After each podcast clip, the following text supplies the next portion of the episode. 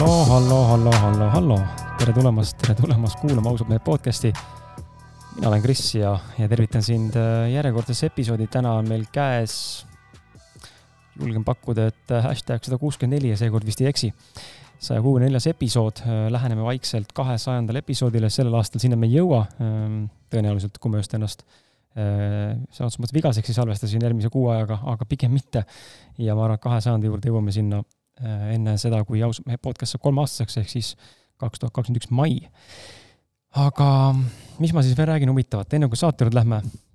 Äh, ma olen tänase saate juures äh, puhul üle äärmiselt põnevil, mulle meeldib, kui on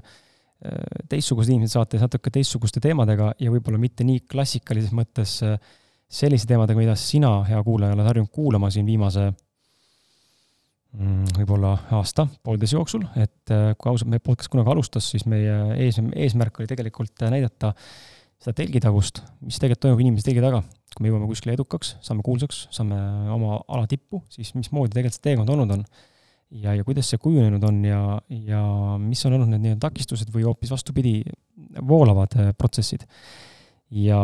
me oleme sujuvalt kuidagi liikunud siin äh, tänu siis külalistele, kes on väga palju vaimseid teemasid puudutanud, liikunud nagu sellisesse kohati nagu auditooriumisse või sellisesse signatuuri, meil on nagu vaimne, vaimne saade. ei ole, ma tahan kohe selle ümber lükata, et meil ei ole tegemist spirituaalse saatega. ma olen küll spirituaalne inimene mingis kontseptsioonis, aga aga sellist klassikalist Hallo kosmose koopiat ma siin teha ei soovi. et ta on, ta on küll sinna liikunud, aga ma täna tunnen, et äh, mul endal on sellest vaimsusest natukene äh, Ehm, heas mõttes kõriauguni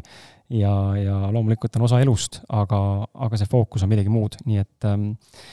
ma püüan ennast parandada, et viia ennast tagasi juurte juurde ja samas jätta alles ka see, mille pärast tegelikult sina ka siin oled. aga enne veel kõike, kui sissejuhatuse teen äh, meie tänase külalisele, siis äh, meil on tulnud äh, välja Ausad mehed raamat. Ja Ausad mehed podcasti esimene raamat äh, nimega Kontaktis endaga, ausad vestlused elus ja pildis, esimene osa. Miks ma ütlen esimene osa, sellepärast et kõikide eelduste kohaselt äh, hakkab see ilmuma siis äh, igal aastal. Ja, ja täna ta on meil äh, trükki minemas ja ilmumas on ta tõenäoliselt kõikist eel, kõikide eelduste kohaselt paar päeva enne jõule, nii et ähm, jõuluks võib-olla endale seda poest soetada vist ei jõua, kui see just ei ole väga agar ja, ja kohe ei jookse, aga lihtsam on minna ja vaadata seda raamatut, tutvuda raamatuga miljon.ee koduleheküljelt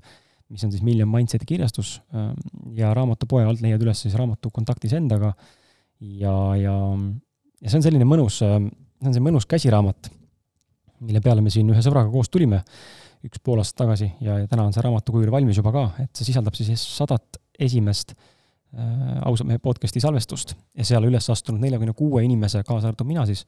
neljakümne kuue inimese saate kokkuvõtteid kirjalikke ja, ja samuti ka siis äh, pooled äh, nendest äh, külalistest, kes on siis äh, raamatusse enda panuse andnud, on kirjutanud juurde raam-, spetsiaalselt raamatu jaoks äh, väärtust andvad sellised blogipostitused või, või niisugused tekstid, mis lisavad raamatule palju väärtust ja, ja näitavad neid hoopis teistsugusest küljest või, või nii-öelda täiendavat küljest, mida siis podcast'is rääkida ei jõudnud või lihtsalt midagi lisaks. ja raamatust leiab ähm, küsimusi sõna otseses mõttes peaaegu et ma arvan kõigele, et ei ole vist val-, tõesti peaaegu valdkondi, millest me ei oleks rääkinud esimese saja saate juures, tänaseks rääkimata juba, kus meil on kahesajas episood kohe-kohe lähenemas, et äh, kuidas olla autentsem, kuidas mõtlevad edukad inimesed, kuidas leida oma kirg, oma tee, kuidas ähm,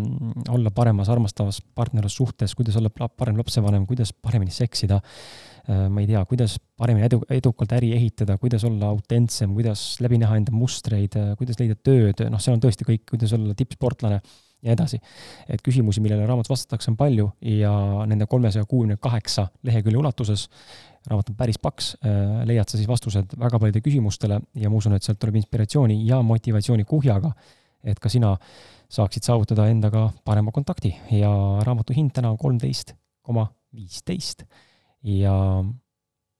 ja nii ta on enne kui ma sinu sissejuhatuse näed välja sisse loen siia, ma tahan sulle öelda, et äh, palju õnne Äh, sa oled meil rase ja sa saad laste emaks. aitäh! see on esimene, teine? Teine. teine mm. -hmm. ma pean äh, sind kiitma ka siinkohal niimoodi heas mõttes sind üles vunkima, et sa näed väga hea välja. ja öeldakse, et rase naine näeb ilus välja, siis see vastab tõele, ka minu elukaaslane, kui ta oli rase, mitte et ta muidu halb välja näeks või et sina muidu halb välja näeksid, aga see raseduse selline glow või, või mingi helendus, mis inimesed räägivad, seal tuleb esile. Mm, see on faktiliselt vastab tõele, seal on midagi, mis muudab naist. ja ma arvan, et mehed, kes ei ole näinud eh, enda naist või, või rasedaid naisi igapäevaselt nendega kokku puutunud, siis tegelikult seda võib-olla näha ega märgata ei oska. aga seal on midagi teistsugust, eh, nii et eh, mul on ähm, ilus vaadata, äge, mulle väga meeldivad äh, rasedad naised ja hästi armas on vaadata, nii et äh, palju õnne sulle ja, ja siis sina, hea kuulaja, kui sulle täna äh, Natalja jutt siin äh, sümpatiseerib, siis äh,, siis ole hea omapoolsed õnnitlused ja hea, head positiivsed mõtted pane ka teele. aga lähme saate juurde, ma teen siis väikse sissejuhatuse ära siia ja ja siis saame minna juba sinu mõttemaailma ja heade mõtete ja sinu mingisuguste kogemuste juurde, mis sa tahad meile täna jagada. Natalja Prümmel on holistiline karjäärinõustaja ja värbaja, ta aitab kaasa ja seisab selle eest, et inimesed teeksid tööd, mis paneb nende silmad tõeliselt särama tööd teeb ta holistilisel meetodil, kaasates nõustamise, nõustamisse inimese kõiki eluvaldkondi, inimest tervikuna. Natalja avastas oma kire, milleks on õigete eluvaldkondade ja inimeste kokkuviimine peale lapse sündi, ehk siis peale esimese lapse sündi. peale lapse sündi tuli tema juurde eh, Fontese kar-, kar-, career coaching'u süvaõpe, millest kasvas välja nõustamispraksis, millega on tegelenud aastast kaks tuhat neliteist. lisaks on Natalja läbinud career coaching'u programmi, eh, nagu ütlesin, selles samas Fonteses, executive coaching'u Estonian Business School'is, holistilise psühhoteraapia holistilises instituudis ja organisatsiooni käitumisõppe Tallinna Ülikoolis ja samuti ka rahvusvahelise ärijuhtimise Estonian Business Schoolis. Ehm, ja sellise väikse sissejuhatusega ma ütlen sulle tere tulemast ausad mehed podcasti. aitäh, Kris. Ehm, räägi, oled sa varem ehm, podcastides käinud? jaa, ma olen, ma olen ise ühte podcasti teinud ja ühes podcastis ise nii-öelda esinenud et äh, Pere ja Kodu raames Tanel Jeppineniga meil oli ka üks samateemaline sarnane podcast, aga võib-olla seal me keskendusime rohkem nendele noortele emadele, kes -hmm. jäävad koduseks ja kuidas siis nemad saaksid leida selle oma kire ja kui nad tunnevad, et nad ei taha tagasi oma vanale tööle minna. sa ütlesid, et sa oled ise ka saadet teinud kas ja, sa seda pidasidki silmas või sa pead mingit muud? ei, ma okay. olen ise nii-öelda selles küsitleja rollis Aa, ka olnud. ja, ja et ma olen katsetanud, aga, ja see on mul plaan kindlasti edasi ka teha, aga, aga praegu on see prioriteet natukene mujal. arusaadav, väga hea. nii et kui sul on äh, tuge vaja või, või äh, kuulajad leida, siis tead, minu poole võid alati pöörduda, ma hea meelega suunan ja, ja toetan ja aitan. et äh, väga lahe, minu meelest on tore, kui äh, üha rohkem inimesi tuleb selle podcast'i maastiku juurde ja ja, ja tahame või mitte, siis ähm, see sisu loomine, sisu tootmine, see on paratamatu või noh, pääsmatu selles mõttes olukord ja, ja igaüks tahab täna luua sisu, äh, pakkuda väärtust. Äh, isegi siis, kui te ei mõista, mis see väärtuse pakkumine juba tähendab tegelikult, aga pakkuda väärtust, pakkuda mingisugust sisu, jagada enda kogemust. Ja see on see, mis teeb asja hästi huvitavaks, et äh, ma täna istusin Raivo Johansoniga enne sinu kohtumist ja, ja, ja kui sa kuulaja ei tea, kes Raivo Johanson on, siis Raivo Johansonil on selline leht nagu Teadlik mees ja ta teeb koos Tiit, hea sõbra Tiit Rafiumiga teeb igasuguseid äh, meestele ja naistele mõeldud üritusi.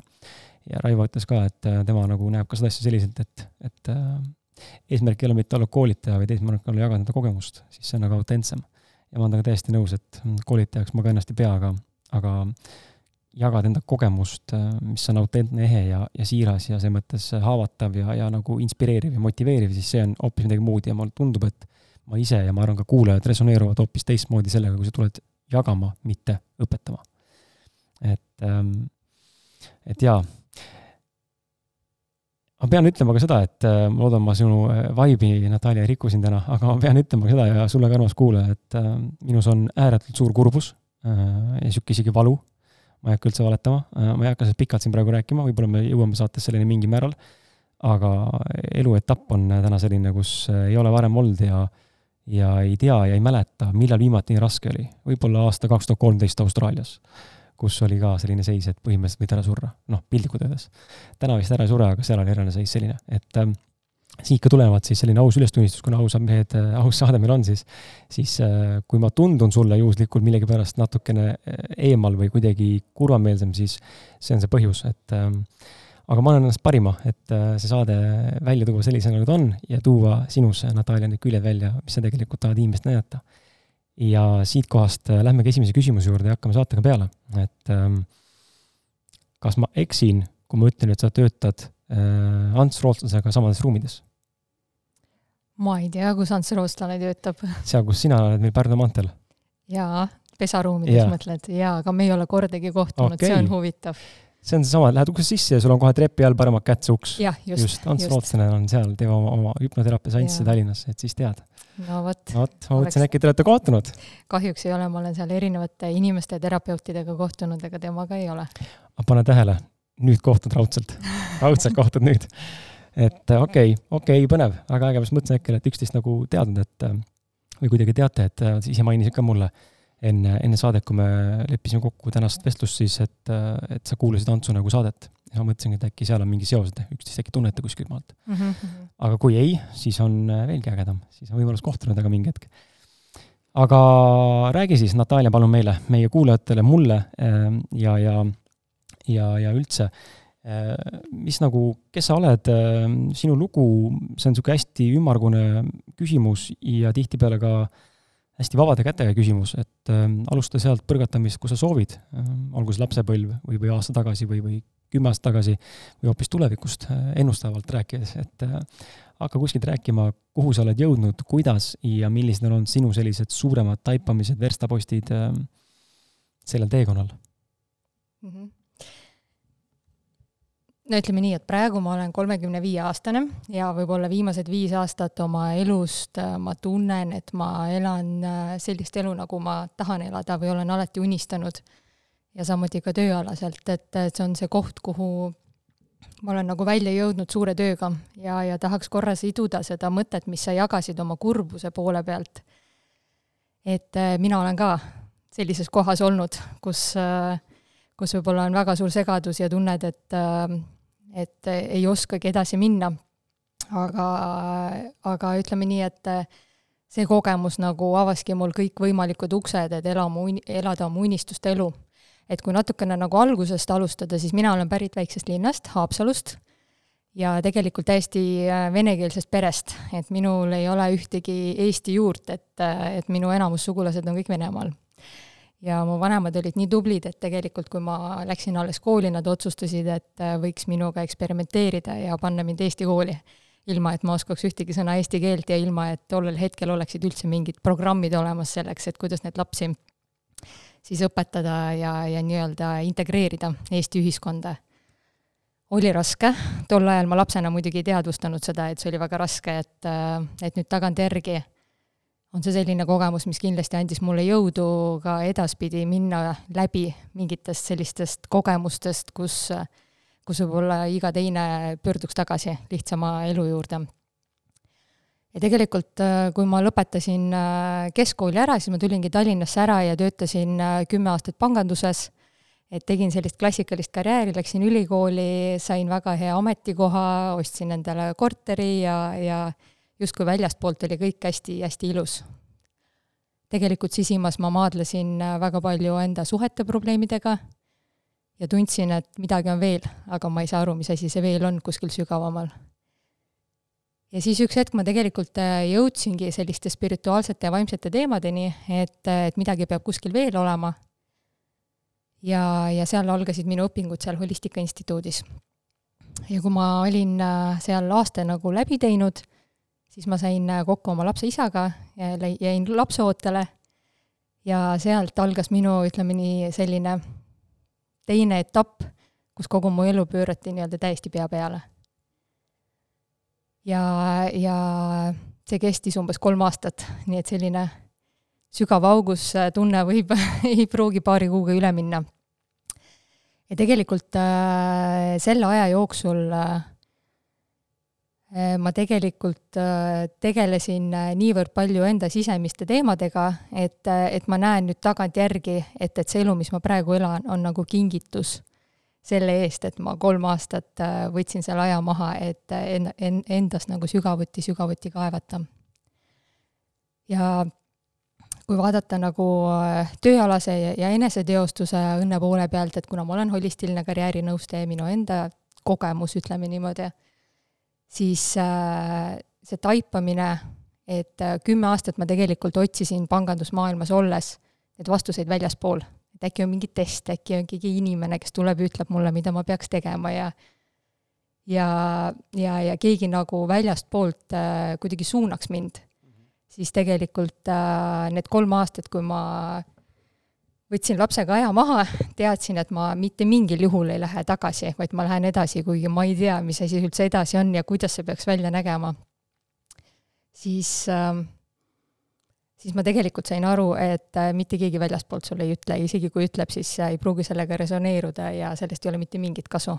et see kõik nagu algab meist endast seest. ja need vastused tegelikult, mida ma ka oma töös näen, et need vastused on inimestes sees olemas ja, ja kui süstemaatiliselt nagu läheneda nendele küsimustele, siis see inimene võib päris kiiresti leida neid vastuseid enda seest, et väga tihti juhtub nii, et inimene tuleb minu vastuvõtule ja ütleb, et ma vanat asja ei taha teha, aga ma üldse ei tea, mis, mis mulle meeldiks teha. ja juba seal teise-kolmanda kohtumise käigus äh, tegelikult ta ütleb välja, millest on ammu unistanud ja mis on temal nagu hästi-hästi sügaval sees, aga tal ei ole lihtsalt seda usku. Ja ka minul endal tegelikult oli niimoodi, et ma keskkoolis hästi huvitusin psühholoogiast. ja mu vanemad ütlesid mulle, et see ei ole üldse tasuv amet, et ei tasu. ma läksin rahvusvahelist ärijuhtimist õppima et, äh, et ma jõudsin nii-öelda kümme aastat hiljem ringiga tagasi selle juurde, millest ma juba unistasin keskkoolis. ja, ja, ja tegelikult äh, see oligi see koht, äh, mida ma näen ka klientide puhul, et nendel on see sees olemas, aga neil on hästi palju väliseid takistusi ja nad ei usu sellesse et, et, et selles osas äh, mul on alati nagu hästi hea meel, kui nad lõpuks julgevad selle välja öelda või paberile joonistada või kirja panna või, või kuidagi nagu enda teadvusse tuua. et ei ole niimoodi, et sa ei tea, mida sa teha tahad, tegelikult sa tead, aga, aga võib-olla sa ei ole kontaktis veel sellega. See on väga huvitav, et, et sa tegelikult mainid seda, et me kõik otsime vastuseid väljaspoolt ennast aga vastused on meie sees olemas, et äh, ka mina tean seda ja näen äh, ja olen tänaseks mingil määral lõpetanud vastuste väljapoolt ennast otsimist, aga aga ikka aeg-ajalt tulevad sisse need lootused, et aga äkki siit saab vastuse. Ähm, ja teinekord võib-olla ongi vaja ähm, just nimelt mitte siis vastust, aga saada sellist äh, käivitajat, käivituspunkti, mis avaks meil siis selle ukse iseenda sees, mis laseks vastusel esile tulla, et ähm, aga küsikski niimoodi spontaanselt juurde ja kõrvale kohe siia, et kuidas siis ähm,, okei okay,, vastused on meie, meie enda sees olemas. kuidas nendele siis seda ligipääsu saada ähm,? mis on need peamised põhjused, miks me ei saa? Põhjuseid, nagu sa võid ise arvata, võib päris palju olla. võib-olla selline esimene asi, mis mul praegu tuleb, on see, et et kui inimene otsib nagu vastuseid enda seest ja ei kuule mitte midagi, mis toimub, siis suure tõenäosusega on tal mingil põhjusel mingi blokeering. ja, ja kuidas nagu avastada, et mis, mis selle taga on, et, et tegelikult selline eneseanalüüs võiks olla juba see, mida inimene on mõnda aega endaga teinud, et muidu on nagu raske täiesti nullist alustada ja siin võivadki olla erinevad põhjused, et äh, mis ma näen, et äh, tihti võib-olla inimesed elavad äh, sellist elu, mida ühiskond neilt ootab. et, et see ühiskonna surve, mida ma olen ise ka enda peal tundnud, on, on väga-väga suur. et kui sa tegelikult sisimas tahad elada noh, kas või näiteks mitte palgatööelu, siis, siis kuidagi see ühiskonna surve, et sa üle päeva ikkagi mõtled, et äkki see ei ole võimalik ja, ja äkki see ei ole okei okay ja et, et sellega on väga raske vastu astuda, selleks sa peadki juba mõnda aega endaga mingil määral kontaktis olema, et uskuda seda enda tunnet, mitte seda ühiskonna survet, mis, sest et ühiskond on niivõrd suur ja sina oled justkui üksinda seal. mida ma olen veel näinud, on see, et oma nõustamispraksise jooksul äh, on väga palju tegelikult äh, sellised nagu äh, eelmiste, ütleme, eelmiste aastate üldse perekonna teemad, kus, kus su vanemad näiteks eeldavad sult midagi ja et see täiskasvanud inimene, kes on kolmkümmend või nelikümmend, isegi ei teadvusta seda, et see ala näiteks, kus ta töötab, et, et see on kuidagi nagu vanemate survestatud mingil ajal või, või nende ootus vanemate unistus? Jah, ta võib vanemate unistus olla või siis äh, ema ja vanaema on olnud medõed ja, ja Mhm. mina kindlasti pean ka olema, sest et mitte keegi teine ei aktsepteeri seda, kui ma tahan midagi muud teha. ja, ja siis äh, huvitav fakt on veel see, et tegelikult äh, tööteemad on seotud meie isaliini pidi teemadega. ehk siis äh, et siin on hea koht ka analüüsida, et, et kui meil on mingi blokeering ja me ei suuda nagu kontakti võtta selle tundega, et mida me tegelikult teha tahame, siis äkki äh, see on see koht, kus meie isa kas on liigselt survestanud meid midagi tegema või siis, äh, või siis ei ole üldse meile õpetanud, kuidas eluga üldse hakkama saada või kuidas väljaspool hakkama saada, kuidas oma unistusi teoks teha. et see on selline, töö on selline meesenergia, seal on, seal on see raha teema juures ja et, et öeldakse, et ema, nii-öelda ema kogemusest tulevad meie lähisuhted ja isa kogemusest tulevad meie nagu töösuhted ja, ja, ja tihti ka väga paljud probleemid tööl, mingid konfliktid või mingid pahad tunded võivad tegelikult peegeldada seda isa ja lapse suhet. see on äh, huvitav äh, seos, et äh, mul nagu natuke on noh, tänu Ants Rootlasele me siin alguses mainisime, et ma olen tema juures käinud hüpnoteraapias ja perekonstellatsioone teinud ja seal ma mõistsin, sain ka nagu selle arusaamise, et et selle teooria kohaselt on isa ja raha seotud. aga minus miski tahab nagu trotslikult öelda, et aga kurat, äkki ei ole. nagu, et kas, kas ta päriselt ka on niimoodi, et kui ma täna, noh, minu suhted oma isaga on täna sõna otseses mõttes äh, seal, kus nad on ja, ja ma tunnen, et ma ei ole võimeline neid lahendama, sest et äh, mul on kadunud huvi. noh, see on nii pikk teema, ei hakka pikalt rääkima praegu, aga aga ongi küsimus, et kui ma nüüd otsustan mitte lahendada neid ja, ja aktsepteerin seda, et see suhe on täna selline, mis tulevikus võib muutuda, aga ma ei stressa ega lähe närvi sellepärast, täna ta selline on, mis on täna halb, kas siis nüüd sellega ma takistan tegelikult oma rahavoolu või karjääri arengut inimesena?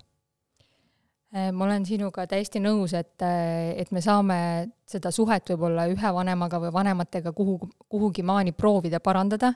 aga fakt on see, et, et tegelikult äh, kõige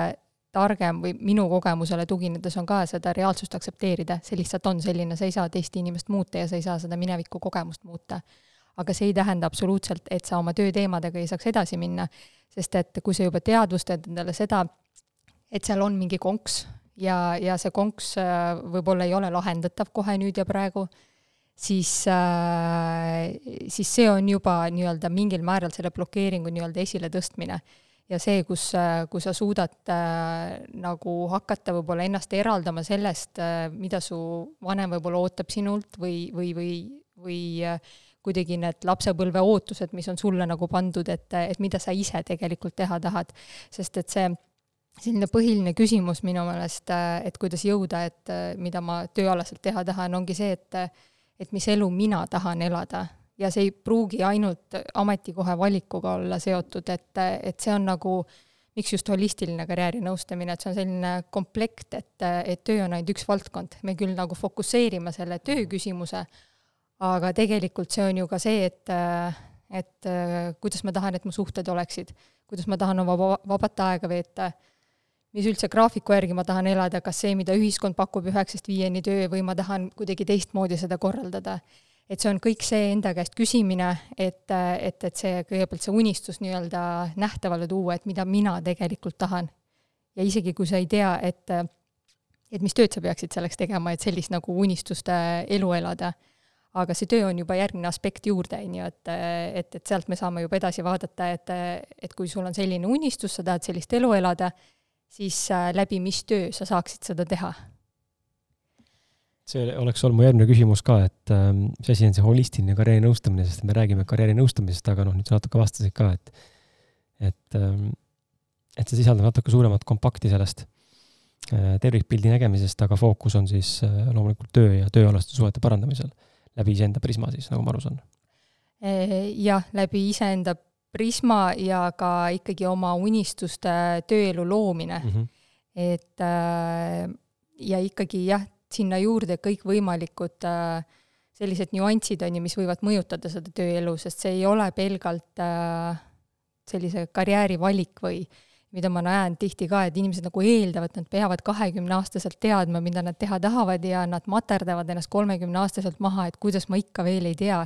ja ma ütlen, see on täiesti normaalne, mõni ei tea neljakümneaastaselt ka veel, on ju, mida, mida ta tegelikult teha tahab. ja teine asi, mis on täiesti normaalne, on see, kui inimene eh, teeb nii-öelda erinevaid karjääre elu jooksul, teebki näiteks kümme aastat seda, mida ta inertsist peale keskkooli läks õppima või kuhugi läks tööle,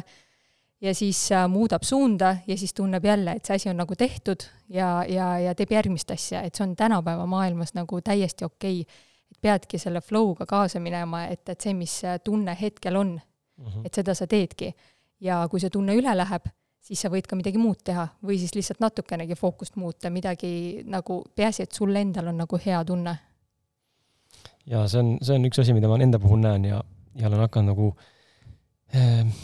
natukene ka mõistma läbi ettevõtja perspektiivi eh, ka, ka neid inimesi, kes siis palgatööd vahetavad nii-öelda, ma ise olen üks nendest inimestest, aga ma üks, üks, üks paar aastat tagasi sain aru sellest, et see ongi, et siin ei ole see, et kellelgi midagi viga on, vaid lihtsalt kui kaob ära see kirg või nagu passion või see drive, mis seal taga nii-öelda sind sellesse töösse rakendab, siis on aeg äh, vahetada siis äh, suunda või teha midagi, mis seda tööd muudaks meeldivamaks. Ma ise olen päris palju vahetanud ja, ja millegi, mingi põhjusel, ma ei tea, kas see kuidagi on seotud või mitte, aga mul lähevad, äh, vaatan viimase viie aasta sellist karjääritöökonda siis või teekonda, siis tööametid lähevad periooditi kogu aeg lühemaks. natuke hirmuäratav on see, et kas siis järgmine töö on ainult kuu aega see on hästi huvitav, et just palga, palgatöölisena just, et lähen tööle, olen võib-olla kaks aastat, järgmine kord olen seal aasta ja järgmine kord olen pool aastat ja minu küsimus on, äkki sa oskad vastata, miks, miks see on niimoodi, kas see näitab, et inimene on segaduses või, või see on märk, et äh, sa ei peaks ähm, palgatööl käima ja tegema enda asja, sest et mul on alati olnud kõrval mingi enda asi äh,, või, või seal on lihtsalt see, et sa oled tegelikult suutmatu, ma ei tea, fokusseerida või sa ei ole piisavalt tahtejõuline või, või mis, iganes veel on seal mm? -hmm kui ma vastaks värbaja eh, nii-öelda kogemusele tuginedes, mida juhid nii-öelda sealt CV-st vaatavad, et mida lühemad on need töökogemused, seda rohkem neid inimesi kardetakse nii-öelda. holistilise karjäärinõustaja poole pealt äh, ma julgeksin väita, et äh, et esiteks võib olla positiivne see, et inimene üldse katsetab erinevaid asju, sest et kui sa katsetad, siis sa välistad enda jaoks midagi, mida sa saad aru, et sul kindlasti ei sobi see küsimus nüüd, kas palgatöötaja või ettevõtja roll, et äh, minu enda kogemus on äh, selles mõttes sarnane olnud, et üks, ma olen küll hästi pikalt hästi tubli palgatöötaja olnud, aga üks hetk, kui ma hakkasin oma asja kõrvalt tegema, siis ma sain maitsta neid vilju, mis on äh, ettevõtjaks olemisel ja oma aja pla-, planeerimisel. et ja, ja siis kohe sa suhtud ja näed seda palgatööd hoopis teise pilguga, sul on võib-olla omad ettepanekud, omad mingid arvamused sa tahad äh, omamoodi asju teha, aga, aga palgatöötaja roll võib olla paljudes ettevõtetes see, et sind surutakse mhm. kuskile mm -hmm. nii-öelda kasti. ja kui sind surutakse kasti ja samas sa oled selline loov inimene ja mõtled oma peaga, siis äh, sa ei pruugi ka kaua selles kastis äh, suuta olla. et, et, et see tegelikult äh, pigem on see koht, kus peab endale ausalt otsa vaatama, et kas see palgatöö üldse tegelikult sobib mulle. vähemalt praegusel perioodil, võib-olla viie aasta pärast on teine seis aga, aga jah, et, et seda on päris tihti, ma olen nagu näinud ja läbi enda kogemuse, et need, kellel on mingid omad ettevõtted kõrvalt, siis, siis neile võib palgatöö teistmoodi tunduda kui nendel inimestel, kes lihtsalt käivadki palgatööl selleks, et iga kuu nii-öelda palka saada. ja seal ongi see konks küsimus, mis on enam, enamikel ja ka mul täna, et aga kuidas siis nagu minna lõpuni selle üleminekule, kuidas hakata siis ettevõtjaks, kui tegelikult ma näen näiteks, et et äh, ma ei väärtusta ennast. ei suuda raha küsida, ei oska raha küsida, ei taha raha küsida, äh, mitte teadlikult, aga alateadlikult. Need mingid blokeeringud või mingisugused uskumuse mustrid on lihtsalt mingid lood, mida me endale räägime, on nii tugevad, et äh, sa näed, et elu nagu noh, ma ükspäev siin mõistsin sellist nagu paralleeli enda, enda puhul. ja ma saan rääkida enda kogemusest ja kindlasti mõni resoneerub, aga et kui me siin tõmbame näiteks mingi joone nüüd, siis ühtepidi on niimoodi, et siinpool on inimesed, kellega ma täna suhtlen, äh, seal on palju ettevõtjaid, seal on palju edukaid inimesi, minust no, väga palju edukaid inimesi, et äh, ennast nagu võrrelda nendega ei saa nii-öelda selles mõttes, kui vaatame materiaalse poole pealt, äh, siis teisel pool on nüüd see koht, kus on siis need tavainimesed, kes tahavad tööl käia, mitte et see halb oleks, aga nende valik on selline, mina täna saan aru, et ma ei ole palgatööline, ma ei sobi. või kui mul tekib trots lihtsalt nii suur, et ma tahaks lausa noh, kirve võtta mingi hetkel lammutama hakata, aga ma ei suuda lihtsalt olla seal väga pikalt kui see töö ei anna mulle nagu seda, mida ma tegelikult otsin sealt. ja, ja ma näen, et, ähm, et on nagu, mind nagu tõmmatakse niimoodi, et ma olen juba siin lävepakul ja, ja põhimõtteliselt juba ripun üle, on ju, nagu kaldun, nõjatun üle. aga mingi asi hoiab nii tugevalt tagasi või kinni, et ei suuda minna. minu küsimus sulle siis äh, spontaanselt on see, et kui sa saad aru, et palgatöö pole sinu jaoks ja sa oled mõeldud pigem ettevõtjaks olema või oma asja tegema, kuidas muuta enda mõtteviisi, sest et seal on väga suur mõtteviisi nihe ja vahe tegelikult. palgatöötaja otsib turvalisust, tal on hirm, eks ole, võib-olla nahas. ettevõtja pigem, ma ei tea, näeb võimalusi, on optimistlikum, näeb suuremat pilti, vaatab suuremalt, on ju, isegi kui need omadused sinu sees olemas on, mis minus näiteks täna on, ja ma usun ka paljudes kuulajates, siis ometi on mingid takistused, mis ei lase äh, meil täispotentsiaalis teha seda asja. oskad sa äkki siin mingeid mõtteid jagada? Mul jäi kõrvu see, et sa ütlesid, et sa ei julge küsida raha.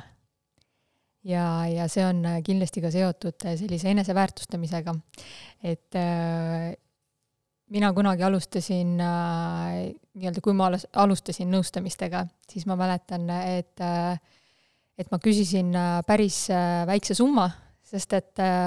sest mulle tundus, et, et noh, mul nagu midagi on anda, aga, aga võib-olla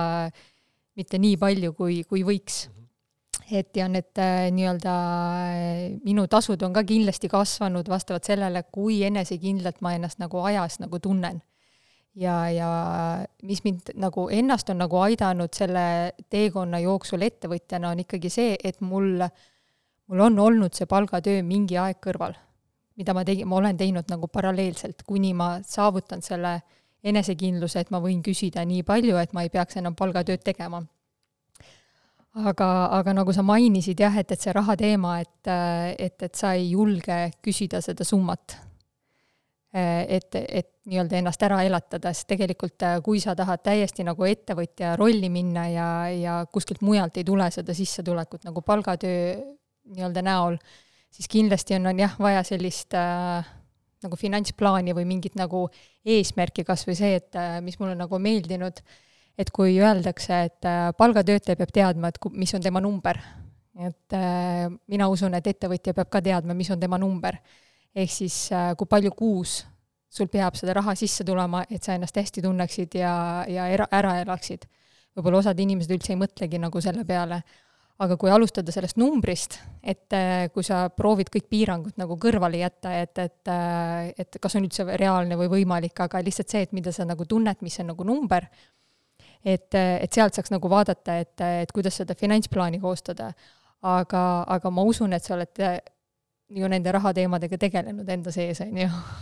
aga lahendanud lahendanud ei ole? lahendanud ei ole, et et see on, no esiteks ma, mulle tundub, et sa oled selles osas väga teadlik, et, et kui sa saad aru, et, et see nii-öelda, et see takistus on see raha küsimine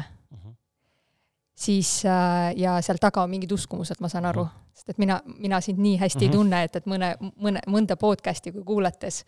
siis, äh, siis kui palju sa oled süsteemselt nende uskumuste ümber äh, igapäevaelus tegelenud, mitte lihtsalt ühe korra kuskil teraapias, aga hästi nagu süsteemselt selles mõttes, et, et sa iga päev paned kirja ja märkad, et millal, mis sul ülesse tuleb ja, ja kus on nagu hästi ebamugav koht, on see, et, et sa sunnid ennast sellel hetkel teistmoodi mõtlema või teistmoodi väljendama. et isegi, kui see alguses tundub hästi-hästi võõras äh,. täiesti ausalt, siis äh, viimasel ajal on päevikugi kirjutamine jäänud totaalselt tahaplaanile. väga harva teen seda ja teen seda väga pikalt, äh, just nagu enese läbi sellise vaatluse ja prisma aga niimoodi, et kui mingi tunne tuleb peale või mingi, mingisugune näen mingit takistust, et nüüd seda lahata, siis seda ma ei tee, pigem on see siin mõttetasandil ja siis ma jään kinni. sa jääd mm -hmm. sinna kinni ketrama seda asja, siis see kasvab negatiivses mõttes veel suuremaks, suuremaks ja lõpuks on niisugune tunne, et andke mulle see nöör, ma lihtsalt ei viitsi enam, et nagu see on nii jabur olukord lihtsalt juba, et ma ei suuda ennast välja tulla sellest mm. -hmm. et äh, et nagu sa praegu kirjeldad, ongi see, et, et sa oled hästi palju peas kinni, et sul nagu ketravad need mõtted. et äh, minu enda kogemus on see, et mis on tegelikult kõige-kõige raskem koht, kas või vahet ei ole uskumuste muutmisel või oma ketrivate mõtete nii-öelda peatamisel, on see, et äh, kui sa rahuolekus äh, mõtled endale strateegia välja, et mis sa siis teed, kui need asjad näiteks hakkavad jälle ketrama või siis need vanad uskumused äh, rahaga seotud tulevad ülesse, on see, et, et sa rahuolekus pead välja mõtlema strateegia, mida sa sellel hetkel pead teistmoodi tegema ja siis see koht, kus sa pead teistmoodi tegema, see on kõige ebamugavam koht üldse, sest me lähme niivõrd oma mugavustsoonist välja, sest me oleme harjunud, see on millegipärast meile nagu vajalik ja kasulik nende mõt-, mõtete ketramine. et äh, mina kunagi ütleme nii, et kui ma olen hästi stressiolukorras minu enda näitel, siis ma kipun hästi palju üle muretsema või üle mõtlema üldse igasugustel teemadel ja, ja kunagi see võis võtta mult nädalaid, et ma, kui mul on hästi stressirikas aeg, siis ma võin kaks-kolm nädalat lihtsalt üle mõelda mingid teemad ja ise tegelikult tunnen, kuidas mu energiatase on nagu väga-väga madal ja siis ma tundsin, et ma ei taha enam niimoodi, see on see otsus, et sa ei taha enam niimoodi, sa tahad teistmoodi. ja, ja siis ma töötasingi enda, enda jaoks välja strateegia, et proovisin analüüsida, miks need mõtted tulevad ja kust nad, kuhu nad lähevad. ja, ja tegin otsuse, et kui ma hakkan jälle ketrama, siis ma näiteks, kui on see mingi uskumus, näiteks mingi hirm kuskilt minevikust, kuskilt see võib olla üldse nii-öelda esivanematelt pärit, siis ma otsustan enda jaoks, et praegu stopp, ja nüüd ma mõtlen niimoodi. ja see stopp ja ma mõtlen nüüd niimoodi, see, on kõige raskem koht üldse. sest et sellel hetkel, kui sul on nii halb olla, sa tegelikult ei taha mõelda, et ma nüüd hakkan teistmoodi mõtlema. et aga see ongi see vastutuse võtmine ja töö iseendaga, on ju. ja, ja mina olen nagu äh, saavutanud sellega selle, et äh, et see kaks-kolm nädalat läks kahele-kolmele päevale, kus ma su-, suutsin nii-öelda sellest muretsemise tsüklist välja tulla ja nüüd, kui on hästi, siis paari-kolme tunniga ma suudan sellest välja tulla et aga see ongi selline pikaajaline harjutamine ja, ja väikeste sammude kaupa, et inimesed võib-olla nagu loodavad ja tahavad, et see nagu lihtsalt kõik kaoks ära ja mul ei oleks ühtegi muret, aga aga see ongi see, et sa tuled siit peast välja, sa tuled südamesse ja, ja lihtsalt otsustad, et nüüd äh, ma tahan teistmoodi. sa ütlesid minu meelest äh, meie viimase saja kuuekümne nelja saate, kaasa arvatud see saade, äh, juures ühe väga olulise asja, mida ei ole peaaegu mitte keegi öelnud Äh, ja tahad teada, mis see on? see on see, millest mina puudust tunnen, see on see, millest on puudus Eesti maastikul äh, nii vaimses sektoris kui ka ükskõik mis sektoris. sa andsid väga praktilise nõuande, enamik räägivad lihtsalt teoorias, et äh, lõpeta endale mingi loo rääkimine või, või afirmeeri,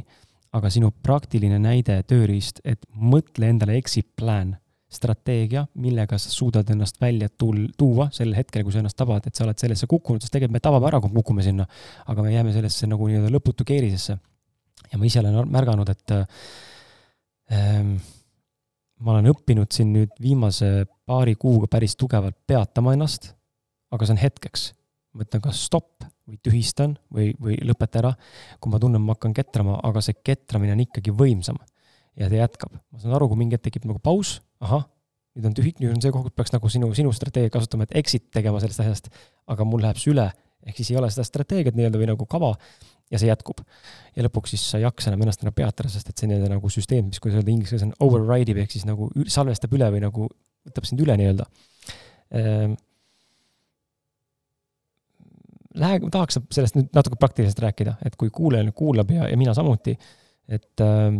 mismoodi selle kava või strateegia koostamine käib, mis ma peaks, mis, kas need on mingid kindlad sõnad või see on äh, puhtalt äh,, ei ole ikkagi kokku lepitud, et nüüd see sõna on tähtsam kui teine sõna neuroteaduse põhjal või mingi muu psühholoogia aspektist, vaid mis ma pean päriselt ütlema äh, ja, ja midagi nagu hästi praktilist, mida kuulaja saab praegu kaasa võtta, et saaks iseendale täna selle koostada, kui see võimalik on. Mm -hmm.. võib-olla siin ma tugineksin äh, ühel sellisel äh harjutusel, mida ma tihti kasutan just uskumuste ümberprogrammeerimisel et, äh, et, et number üks asi ongi see teadvustamine, et, äh, et sa saad aru, et, et, et kuskil on probleem, kas või see, et ma mõtlen üle või mul on mingi uskumus, mis kogu aeg nagu tahab äh, üles kerkida ja mis mind nagu segab elu elamast. et esimene asi on see teadvustamine ja võib-olla ka väljakirjutamine, et mis need nagu olukorrad on, kus ma ketran või mis need uskumused või need sundmõtted, mis mul nagu peas käivad kui sa oled selle välja tein-, välja kirjutanud, siis on juba see esimene samm tehtud, et sa oled teadvustanud, on ju, ma usun, et, et, et seda sa oled enda puhul juba teinud, sest sa suudad ennast ka juba peatada.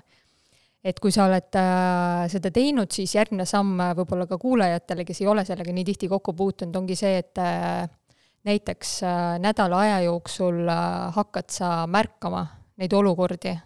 ja paned samuti need kirja, et äh, kus olukorras, kui kaua äh, mis mind pani niimoodi mõtlema, et mis enne seda toimus, et, et sa hakkad nagu, nagu märkama, mis sinu sees või mis su peas toimub, et, et miks sa ketrad seda või miks see uskumus tuleb sul jälle ja jälle tagasi. kui sa oled selle nagu osa ära teinud, siis äh, peale seda nii-öelda kolmandaks võib-olla ma soovitakski, et kui sa oled nii-öelda omadega rahuseisundis, siis sa vaatad rahulikult kas nendele uskumustele või ketravatele, ketravatele mõtetele peale, mis olukordades nad nagu tekivad, siis äh, sa teedki enda jaoks nagu plaani, et okei okay,, kui see järgmine kord tuleb, et äh, näiteks uskumuste puhul äh, sa kirjutad selle uskumuse ümber lihtsalt. et okei okay,, see ei pruugi üldse nii lihtsalt tegelikult toimuda, sest et äh, nagu öeldakse, uskumused ei tohi eitavas vormis olla, need peavad positiivsed olema, äh, mina ei usu, et, et, et see peab kindlasti olema ka niipidi, et nüüd äh, sama uskumust lihtsalt ütlen positiivselt ja siis mu probleemid on lahendatud. et pigem sa pead aru saama, mis, mis seda uskumust nagu tekitab ja, ja ennast äh, kõrvalt nagu positiivselt turgutama, et, et mis sind nagu, mis mõte sind nagu toetab sellel hetkel nagu sa ütlesid, et tegelikult, et miks, miks ei toimi, kui sa ketrad, sa saad sellest aru, sa ütled endale stopp ja miks sa ikkagi nagu äh,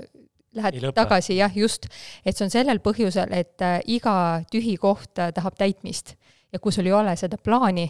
kas või seda uut uskumust, mida endale öelda, või, äh, või uut mõtet, mida endale sisendada sellel hetkel, siis äh,, siis ta tuleb, läheb tagasi selle nii-öelda vana ketramise mõtete juurde ja muretsemise juurde ja nii edasi. et, äh, et, et ikkagi, ja seda ma soovitan sellist täiesti rahu, rahuseisus nii-öelda enda jaoks nagu läbi mõelda, välja kirjutada ja, ja siis hakata märkama, et kui on need olukorrad, sa suudad endale stopp öelda. ja, ja kui sa oled endale stopp öelnud, siis sa, see ongi nagu kõige raskem koht, kus tegelikult su meel on nii automaatne, et ta tahab tagasi tulla selle vana mõtte ja muretsemise juurde aga sa oma tahtejõu baasil siis äh, nii-öelda suunad teda selle uue mõtte juurde. aga see, endaga tuleb hästi leebel olla, et alguses võib olla niimoodi, et kümnest korrast üheksa läheb, läheb pekki ja, ja see üks kord sul õnnestub. aga minu enda kogemuse baasil on see, et mida rohkem sa seda praktiseerid ja paned ennast sellesse, see on alguses hästi-hästi ebamugav, et tundub isegi, et see ei ole nagu päris, on ju. et mida ma endale nagu sisendan. aga, aga see mis on selle juures veel väga tähtis, on see, et su sisemine otsus, et ma ei taha enam niimoodi, ma ei taha enam vanaviisi ja ma olen väsinud sellest ja ja ma ei ole nõus enam niimoodi tegema, et ma tahan uutmoodi, ma katsetan. ja mis puudutab nende lausete nii-öelda ülesehitust või, või kuidas ta on, et äh, minu meelest ei ole nagu kindlat nagu reeglit, et igaüks peab ise tunnetama ja jällegi, mitte peaga, vaid südamega, et äh, mis on mul sellel hetkel, mis mind toetab. Et kas ma ütlen endale, et et kõik on korras või ma ütlen, et ma lasen praegu selle lahti või see mõte ei kuulu mulle, annad selle tagasi, kellele see kuulub, et, et seal on noh, täiesti nagu erinevad viisid, aga, aga tunnetada südamega, mis, mis sind nagu sellel hetkel aitab. okei okay., okei okay, ähm,, lähme siit ähm, siia otsa kohe juurde, võtan siit juurde äh, aga just enne tegelikult huvitas ka pani mõtlema see, et okei okay,, kui me räägime nagu tööalasest karjäärist ja saavutusest, siis äh, siis äh, noh, palju räägitakse tööalasest eneseteostusest ja, ja just sellest, et kui seal inimene ei saa ennast piisavalt palju äh, mitte siis tõestada äh, teistele, vaid pigem nagu endale või nagu näidata või tunda seda, et päriselt tema panus on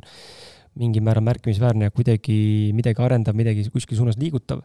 ja toob nagu tulemust, siis inimesel kaob ära see motivatsioon, sest et kas tööd ei hinnata või, või ta ei näegi nagu nii-öelda nagu pointi, miks ta üldse teeb seda. Nüüd eneseteostuse juurde. Ma kujutan ette, et tegelikult väga palju aitab ka see, kui sa mõistad oma nõrkusi ja tugevusi. ja ma ühendakski siia need kaks küsimust kokku, et ähm, jõuda eneseteostuseni, ähm, et võib-olla miks me tahame seda lühidalt ja, ja kuidas meie nõrkuste ja tugevuste taipamine, lahti mõtestamine ja mõistmine aitab äh, selleni jõuda mm. selle esimese küsimusele vastates, et eh, miks me üldse tahame sellist eneseteostust või, või kuidagi nagu maailmas eh, jälgi jätta, et min-, minu meelest on seal nagu kaks äh, sellist äh, teooriat või suunda. et üks on see, et mis ütleb, et, äh, et igal inimesel on midagi, mida maailmaga jagada, et ja iga inimene otsib seda midagi, et maailmaga jagada, et kuidagi nagu kasulik olla, et natukene suurem jälg endast nii-öelda siin elus maha jätta ja selline teine lähenemine, mis on väga huvitav, millest väga palju ei räägita tegelikult, on see, et, et miks me tahame seda eneseteostust. me tegelikult tahame lihtsalt ise hästi ennast tunda. et, et see võib nagu, inimesed ütlevad, ma tahan teisi aidata, tegelikult on see, et ta tunneb ennast hästi mingil põhjusel, et ta aitab teisi et, et selles on ka kübeke tõtt minu meelest, et, et see ei pruugi olla ainult niimoodi, et, et ma olen nii üllas ja ma tegelikult vahet ei ole, mis elu mina elan, aga ma tahan kõiki teisi aidata. et mina usun sellest, et tuleb alustada sellest, et sinu enda elu peab korras olema, tasakaalus, sa pead olema õnnelik ja,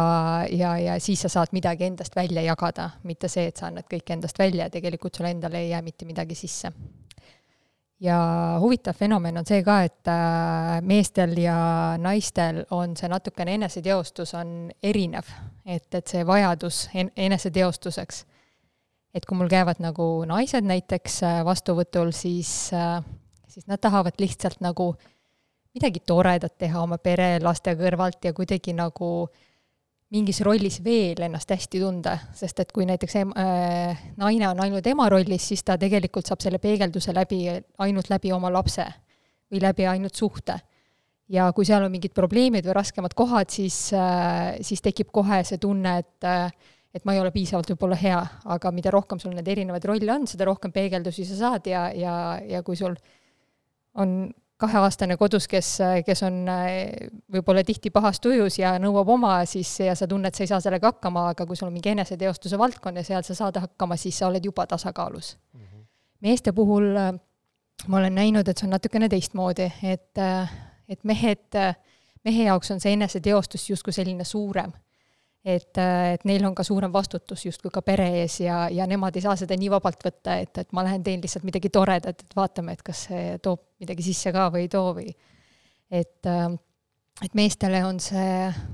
ma arvan, ka kuidagi sisse programmeeritud, et et midagi teha, oma pere ära toita ja, ja samas endast mingisugune jälg jätta. et, et ja, ja samas ja samas huvitav on ikkagi see, et minu juurde jõuavad rohkem naised selle küsimusega kui mehed. et mehed nagu ei, ei mõtle niimoodi süsteemselt sellele, et nad lihtsalt lähevad võib-olla, teevad mingi palgatöö ja tunnevad, et ma pean seda tegema ja, ja rohkem nagu ei süvene, sest nad ei näe teisi võimalusi. et mis puudutab äh, nüüd tugevusi ja nõrkusi, et, äh, et selles mõttes on sul õigus, et äh, neid tuleb nagu enda jaoks teadvustada, et milles sa hea oled ja milles sa võib-olla nii hea ei ole samas äh, oma nii-öelda praksise jooksul äh, me nii palju isegi ei pööra seda tähelepanu tugevustele, nõrkustele, paljud inimesed arvavad küll jah, et et kui ma kirjutan oma tugevused välja, et, et siis ma nagu tean, mis suund mulle sobib. aga tegelikult minu kogemus on see, et tegelikult inimene nagu sisimas juba, ta teab juba, ta isegi ei pea välja kirjutama, ta teab tegelikult, et noh, mingi, mingi viis asja, millest tegelikult on hea ja mis talle sobib. küsimus on lihtsalt selles, et kuidas nendest äh, tugevuste kompotist teha siis mida, midagi, millega sa saad nagu raha teenida või midagi, mida sa saad eneseteostus, teostuseks nimetada. ja nõrkustega on ka niimoodi, et on nõrkusi, millega ei tasu üldse tegeleda, need on lihtsalt sinu osa ja ei tasu kõik nõrkused tugevusteks ka muuta, et, et kellegi moodi olla. aga mingid üksikud nõrkused on sellised, mis on meie võib-olla kompleksid, mis äh, võib-olla tegelikult tööalaselt aitaksid meid edasi, aga nad on meie blokeeringud et, et seal võib nagu neid niimoodi analüüsida, et, et need nõrgused, mis on meie blokeeringud, nendega kindlasti tuleb nagu edasi tegeleda ja, ja sinna sügavale sisse vaadata, aga kui inimesed arvavad, et kõik oma nõrkused, nendega on vaja hakata nüüd tegelema ja, ja need tugevusteks muutma, siis mina pigem julgustan teadvustada oma tugevusi ja neidki veel rohkem nagu arendada. et, et siis sa jõuad palju-palju kaugemale, kui sa hakkad oma, sealt otsast, et sa hakkad oma nõrkusi arendama mm. -hmm see on hea, et sa mainisid sõna tasa, mitte tasakaalustus, vaid peegeldus. see viib mind järgmise küsimuse juurde ja, ja selleks on see, et just nimelt läbi tööalaste tegemiste, et mida tööalased teemad, e, väljakutsed või, või, või nii-öelda siis mingid ülesanded meile tegelikult peegeldavad ja, ja kus, kas seal on ka seos, kui me siin saate alguses rääkisime perekonnaga isa ja ema teemadega, siis kas äh, nende tööalaste väljakutsete puhul äh, on ka seosed vanemate lapsepõlve ja lapsepõlvega või, või need tööalased suhted peegeldavad midagi muud mm? -hmm. no mina väidaks ka endale, enda kogemusele tuginedes näiteks palgatöö kontekstis, et, et väga tihti palgatööl olles inimesel tekivad mingisugused kas sisemised konfliktid või mingid, äh, et tal on, tal tekivad mingid tunded, kas mind ei väärtustata või mu sõna ei kuulata või või kõik teavad teised paremini, kuigi ma tahaks ka midagi sekka öelda. et tekivad mingid sellised pahad tunded, miks inimesed tahavad üldse töökohta vahetada näiteks. ja, ja, ja tihti tihti on paraku niimoodi, et need olukorrad, mis meil tekivad töö juures või tegelikult ka ettevõtjana, mingisugused tunded, et, et näiteks ma ei saa piisavalt palju likee oma, oma mingitele postitustele või, või kas, kas see oli piisavalt hästi tehtud või et, et need tegelikult on otsene peegeldus meie lapsepõlvest, et kuidas me oleme harjunud kas koolisüsteemis kas oma vanematega nii-öelda suheldes, et kui me oleme midagi teinud omalt poolt nii-öelda enda kas mingi loomingu välja nii-öelda tõstnud endast välja ja kuidas seda on hinnatud, meie, kuidas meie hindeid ja tunnistusi on hinnatud, et kõik see, et kas saame kiitust või tähelepanu ja kõike muud ja just, just mm, -hmm. et äh, või siis meid ei panda tähele, kui me teeme midagi hästi, et äh, pandakse tähele ainult siis, kui me teeme millegi jamaga oleme hakka, hakkama saanud. et äh, võib-olla me peamegi siis töö juures, no kui me räägime näiteks palgatööst, vahepeal natukene üle võlli keerama, et üldse mingit tähelepanu oma juhilt näiteks saama, saada, et, et see on küll otseselt seotud, et, et seda ma olen küll näinud ja täitsa nii-öelda huviga analüüsinud ka oma nõustatavate puhul, et, et need olukorrad, mis nad tulevad, ütlevad, et mul on nii paha tunne, et eriti kui see, kui probleem on selles, et mingi tunne tekib seal töö juures. Et äh, või siis kas või ettevõtjana tekib mingi tunne, kui see on lihtsalt üldine, et noh, ma, ma lihtsalt ei ole rahul ja, ja see ei ole see, mida ma teha tahan, see on nagu teine asi. aga kui mingi konkreetne tunne tekib, siis see on väga tihti nii-öelda minevikust pärit ja see on väga tihti just nagu lapsepõlvest pärit. see, lihtsalt äh, jälle, see lihtsalt kõlab nagu nii äh, mingil määral uskumatuna ja samal ajal ei taha nagu vastu võtta seda, et need asjad niimoodi seotud on, nagu ei taha tunnistada ja panebki mõtlema, et aga äkki ei ole niimoodi, noh, et nagu mingi niisugune nagu tekib niisugune lootus, et äkki ei ole see seotud, on ju, et äh, minu seda mitteväärtustamist, äh, kui me sellest eelnevalt siin natuke aega tagasi rääkisime, siis äh, ma täna näen äh,, kui vahetu on see peegel äh,, mis inimesed meile näitavad või siis olukorrad ja situatsioonid, et äh, et äh, ma olen seda saanud siin äh, viimase kahe nädalaga, ma arvan, et rohkem kui, kui oma eelneva kahekümne aasta jooksul kokku. Kuidas mulle näidatakse, et ma ei väärtusta ennast ja see tegelikult äh, ongi huvitav, et, äh, et see on nagu nii jabur mingil määral, e, ajab nagu naerma ja samal ajal ajab nutma, on ju, et äh, et mis see lahendus lõpuks on siis, et kas ma pean siis nagu alistuma sellele ja leppima sellega, et nii on, või ma pean siis läbi trotsi ja läbi mingite tegevuste ja mingite asjade otsima neid viise, mis minu jaoks töötavad, aga võib-olla ma hoopis tegelikult räägin endale ära, need lööt-, tegelikult töötavad, tegelikult ei töötagi, on ju. et sama on ka nende äh, sama küsimus tekkis ka nende väärtuste, tähendab tugevuste ja nõrkuste juures onju, ma võin ju, ma võin ju endale praegu kirja panna siia näiteks, et äh, noh, mõlema näite puhul, et ahah, need on minu tugevused ja need on minu nõrkused. aga kust ma tean päriselt, et ma nüüd ei eksinud? võib-olla mulle tundub, et mõni tugevus on mu tugevus, tegelikult ei ole, see on mu näiline kuskilt ego pealt üles ehitatud mingi tugevus, mis tegelikult pole üldse mina, aga see töötab, aga, aga ta ei ole päris see. ja mõni nõrkus võib-olla vastupidi on see, ma ütlen, et aa, see on mu nõrkus, aga tegelikult see me, minu kõige suurem potentsiaal tegelikult on just see nõrkus, mille välja tõin. lihtsalt pole sellega tegelenud. et kuidas aru saada võib-olla siin selles kohas ka, et kas ma, kus ma päriselt nagu endast mõistan, et millal ma siis, millal ma võin eksida enda analüüsis ja millal ma ei või eksida, kuidas, kuidas nagu aru saada, et ma nüüd usaldan ennast või et see info on väär? Mm? -hmm et kõigepealt ma tahaks äh, öelda, et äh, no sa ütled, et sul on viimase kahe nädala jooksul on seda peegeldust äh, rohkem tulnud nii-öelda eneseväärtustamise osas, kui, kui võib-olla eelmiste aastate peal kokku, siis, siis tegelikult on see, et see näitab seda, et sa oled protsessis ja see protsess on, võibki tegelikult aega võtta, et see kaks nädalat on veel väga lühikene aeg, on ju, see protsess võib ka kaks aastat kesta. et ja, ja see juhtubki siis, kui, ma tean, see on hästi ebamugav, aga see juhtub siis, kui äh, inimene saab aru, et ta tahab midagi uutmoodi teha et mis tegelikult ka nii-öelda selle eneseteostuse poole pealt äh, võib juhtuda, millega inimesed ei arvesta, nad arvestavad sellega, et, äh, et nüüd ma seda enam teha ei taha, mul on plaan, ma tahan teha seda ja siis ma teen need sammud ära ja, ja, ja kõik ongi hästi, on ju. aga tegelikult see, et äh, mida suuremat muutust sa soovid nii-öelda endale luua ja mida su-, su-, sügavamat muutust sa enda sees soovid luua, seda rohkem hakkab elu sind nagu seal pesumasina trumlis korralikult raputama et, et sellega peab arvestama ja, ja see on väga-väga ebameeldiv, aga tagantjärgi on see väga-väga hea, sa kindlasti tead seda, on ju, aga selles sees olles on, võib see väga ebameeldiv tunne olla ja see võib lihtsalt aega võtta. mis puudutab nende tugevuse ja nõrkusi, ma, mul on hea meel, et sa nagu korra veel tõstatasid selle teema ülesse, sest et äh, just see näiteks, see osa, et et mõni sinu nõrkus võib olla sinu potentsiaal. et ma toon äh, siinkohal enda näite võib-olla, et äh, kuna ma olin vene laps Eesti koolis, siis mul oli põhimõtteliselt kuni ülikooli lõpuni paaniline hirm äh, inimeste ees äh, üldse midagi rääkida, kuigi ma sain eesti keele väga kiiresti selgeks ja, ja sellega ei olnud üldse küsimustki. ja kuni umbes seal kahekümne kaheksanda eluaastani ma pakun, või isegi kolmekümnendani, no mul oli lihtsalt nii suur blokeering, et ma kogu aeg noh, oleks kirjutanud sinna nõrkuste raja, nagu sinna tulpa, et, et ma ei ole see inimene, kes üldse kuskil kellegi ees esineb kuniks ma nagu tundsin hästi tugevat äh, sellist survet, kui ma hakkasin oma asja tegema, et ma tegelikult tahan inimesi ka nii-öelda niisuguseid töötube läbi viia või nagu mitte otseses mõttes koolitada, aga niisuguseid väikseid gruppe nagu kokku võtta ja neid harjutusi teha nagu sellises grupienergias.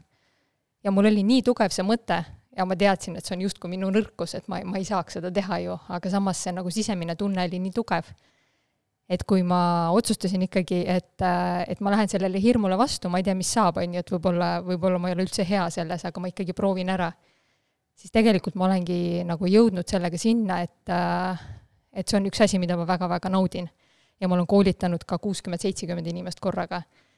et, et ma olin endale tegelikult umbes kakskümmend aastat selle nagu nõrkusena kirja pannud, ma mitte kunagi ei lugenud ühtegi luuletust klassi ees, ma alati tegin seda vahetunni ajal, mul alati tehti mingisuguseid mööndusi. ma arvasin, see on minu nõrkus. aga kust see tuli, et sa arvasid, et see on su nõrkus? ma arvan, et äh, see on pärit varajasest lapsepõlvest, kui äh, kui ma veel rääkisin väga suure aktsendiga seal teises-kolmandas klassis eesti keelt ja ja pahaaimamatult teised lapsed kõrvalt ütlesid, et ma ei tea, ära laula nii kõvasti, mhm. sest et, et sul on nii tugev aktsent, me ei saa keskenduda või noh, midagi mhm. sellist, on ju. et täiesti süütu, aga kuidas, ma, ma ise arvan, et see on kuskilt nagu sealt pärit. et sest, et kui ma nagu vaatan noh, näiteks oma isa, kes ka koolitab teisi inimesi ja talle väga meeldib esineda, siis ma saan aru, et see geen on mul kogu aeg sees olnud aga ma olin seda umbes kakskümmend aastat alla surunud, sest ma arvasin, et see ei ole üldse minu teema, et see on tegelikult minu nõrkus. et see on nagu hästi tähtis äh, teadvustada, aga vaata, küsimus, et äh, kas sa saad ise seda teha või on seda kellegi abiga võimalik teha. sest et ka nende tugevustega on niimoodi, et äh, sul on õigus, ma võin üks päev need tugevused kirja panna ja järgmine päev mul võib tunduda, et mu tugevused on hoopis teised, on ju, asjad. et selleks on olemas sellised erinevad harjutused ja võib-olla peegeldused teistelt äh, inimestelt, kas on nagu terapeut või nõustaja. Äh, üks selline hästi lihtne asi on see, et, et sa küsid äh, lihtsalt umbes kümnel, kahekümnelt inimeselt, saadad kirja, et, et kirjuta mulle, et mis sulle tundub, milles ma hea olen, on ju. et mis, mis, mis peeglid sealt nagu hakkavad tagasi tulema. et läbi nende peegelduste, et, et ise võib-olla jah, et peab olema selline tasakaalus ja teadlik, et nagu aru saada, et need ongi need minu tugevused et see on täpselt nagu plusside ja miinuste kirjapanek, et äh, üks päev on ühed plussid, teine päev on teised plussid, teine päev on miinused, plussid ja, ja, ja et, et see ei ole alati nagu selline äh, vettpidav meetod. väga huvitav, see on äh, väga huvitav ähm,. Ähm, Läheks äh, korra siia nüüd nende väärtuste juurde ka, et äh, sa lasid mul teha ühe väikse harjutuse, enne kui me mm, kokku üldse saime siin paar päeva tagasi äh, saatsid mulle juhised ja, ja, ja ma tegin selle läbi, ühe neist, teist ma ei suutnud teha, sellest võin ma ka rääkida. ja, ja alustaks sellest esimesest harjutusest, et äh, ma pidin välja valima siis äh, sealt väärtuste tabelist enda mingisugused väärtused, neid oli tõesti palju seal äh,, ja ma mäletan, alguses, kui ma neid oli kokku vist kakskümmend äh, ja kui ma need kirja panin endale, siis äh, pidin neid hindama viie palli skaalal. Äh,, noh, ma täpselt nüüd ei mäleta, mis see viis ja neli, kolm, kaks nüüd tähendasid, aga põhimõtteliselt noh, kehvemast kõige paremani nii-öelda ja number viie peale pidin välja valima siis ainult need, mis on number viis. ja selgus niisugune huvitav asjaolu, et esimese hooga ma sain üksteist tükki. ehk siis kahekümnest üksteist sai viis. siis ma mõtlesin, et kurat, et aga pidin valima ainult viis tükki välja, kuidas ma seda nagu kokku tõmban, siis ma hakkasin äh, uuesti neid läbi lugema, noh, need väiksed, väikeste fraasidena kirjas need, need väärtused, lugesin siis neid äh, viielisi nii-öelda uuesti läbi. ja siis hakkas sealt ära kukkuma mingeid asju vaikselt, noh, tundsin, et okei okay,, et ma siinkohal saan nagu selle maha tõmmata, ilma et tekiks paha tunne. mingi asjaga oli konkreetselt, ei, seda sa ei võta maha, nagu see on, see jääb sada protsenti siia, kas või üksinda, aga ta jääb. ja lõpuks jõudsin siis nende viieni ja minu äh, need viis on siis aidata teisi siinkohal ma täpsustaks seda, mis sa just enne ütlesid ka, et äh, paljudel inimestel on selline ema Theresalik äh, soov, alateadlik soov või siis niisugune võltssoov aidata teisi inimesi, et läbi selle näida ennast ühiskonnas parema inimesena või kuidagi ennast nagu mingi, mingit pidi enda nagu mingit asja upitada kuskilt või endale head teha, siis mina näen aidata teisi sellise nurga alt, et mul ei ole nagu soov otseselt inimesi nagu, nagu aidata, aidata, et ma ei usu, et ma saan inimesi aidata. Aga minus on soov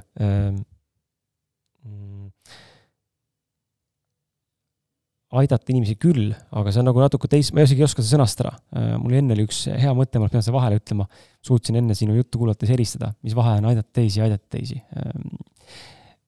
mul ei ole seda klassikalist soovi, et ma tahan aidata nagu maailma muutjat või ma olen maailma muutja, et see on natuke teistmoodi, et ähm, ja mina sain kirja siis endale aidata teisi, iseseisvus, turvalisus, äh, stabiilsus, töö sisu ja juhtimine. ja minu küsimus sulle on siis see, et miks on oluline enda tööalaseid väärtusi teadvustada ja kust võib inimestel tulla rahulolematus oma tööga ja, ja kui sa siis soovid, siis saad siin seda, neid märksõnu äh, kommenteerida ka ja mis see üldse tähendab ja mis see teist üldse tegelikult inimesega teeb mm. -hmm. ma võin vajadusel enda neid asju uuesti pärast sulle korrata ka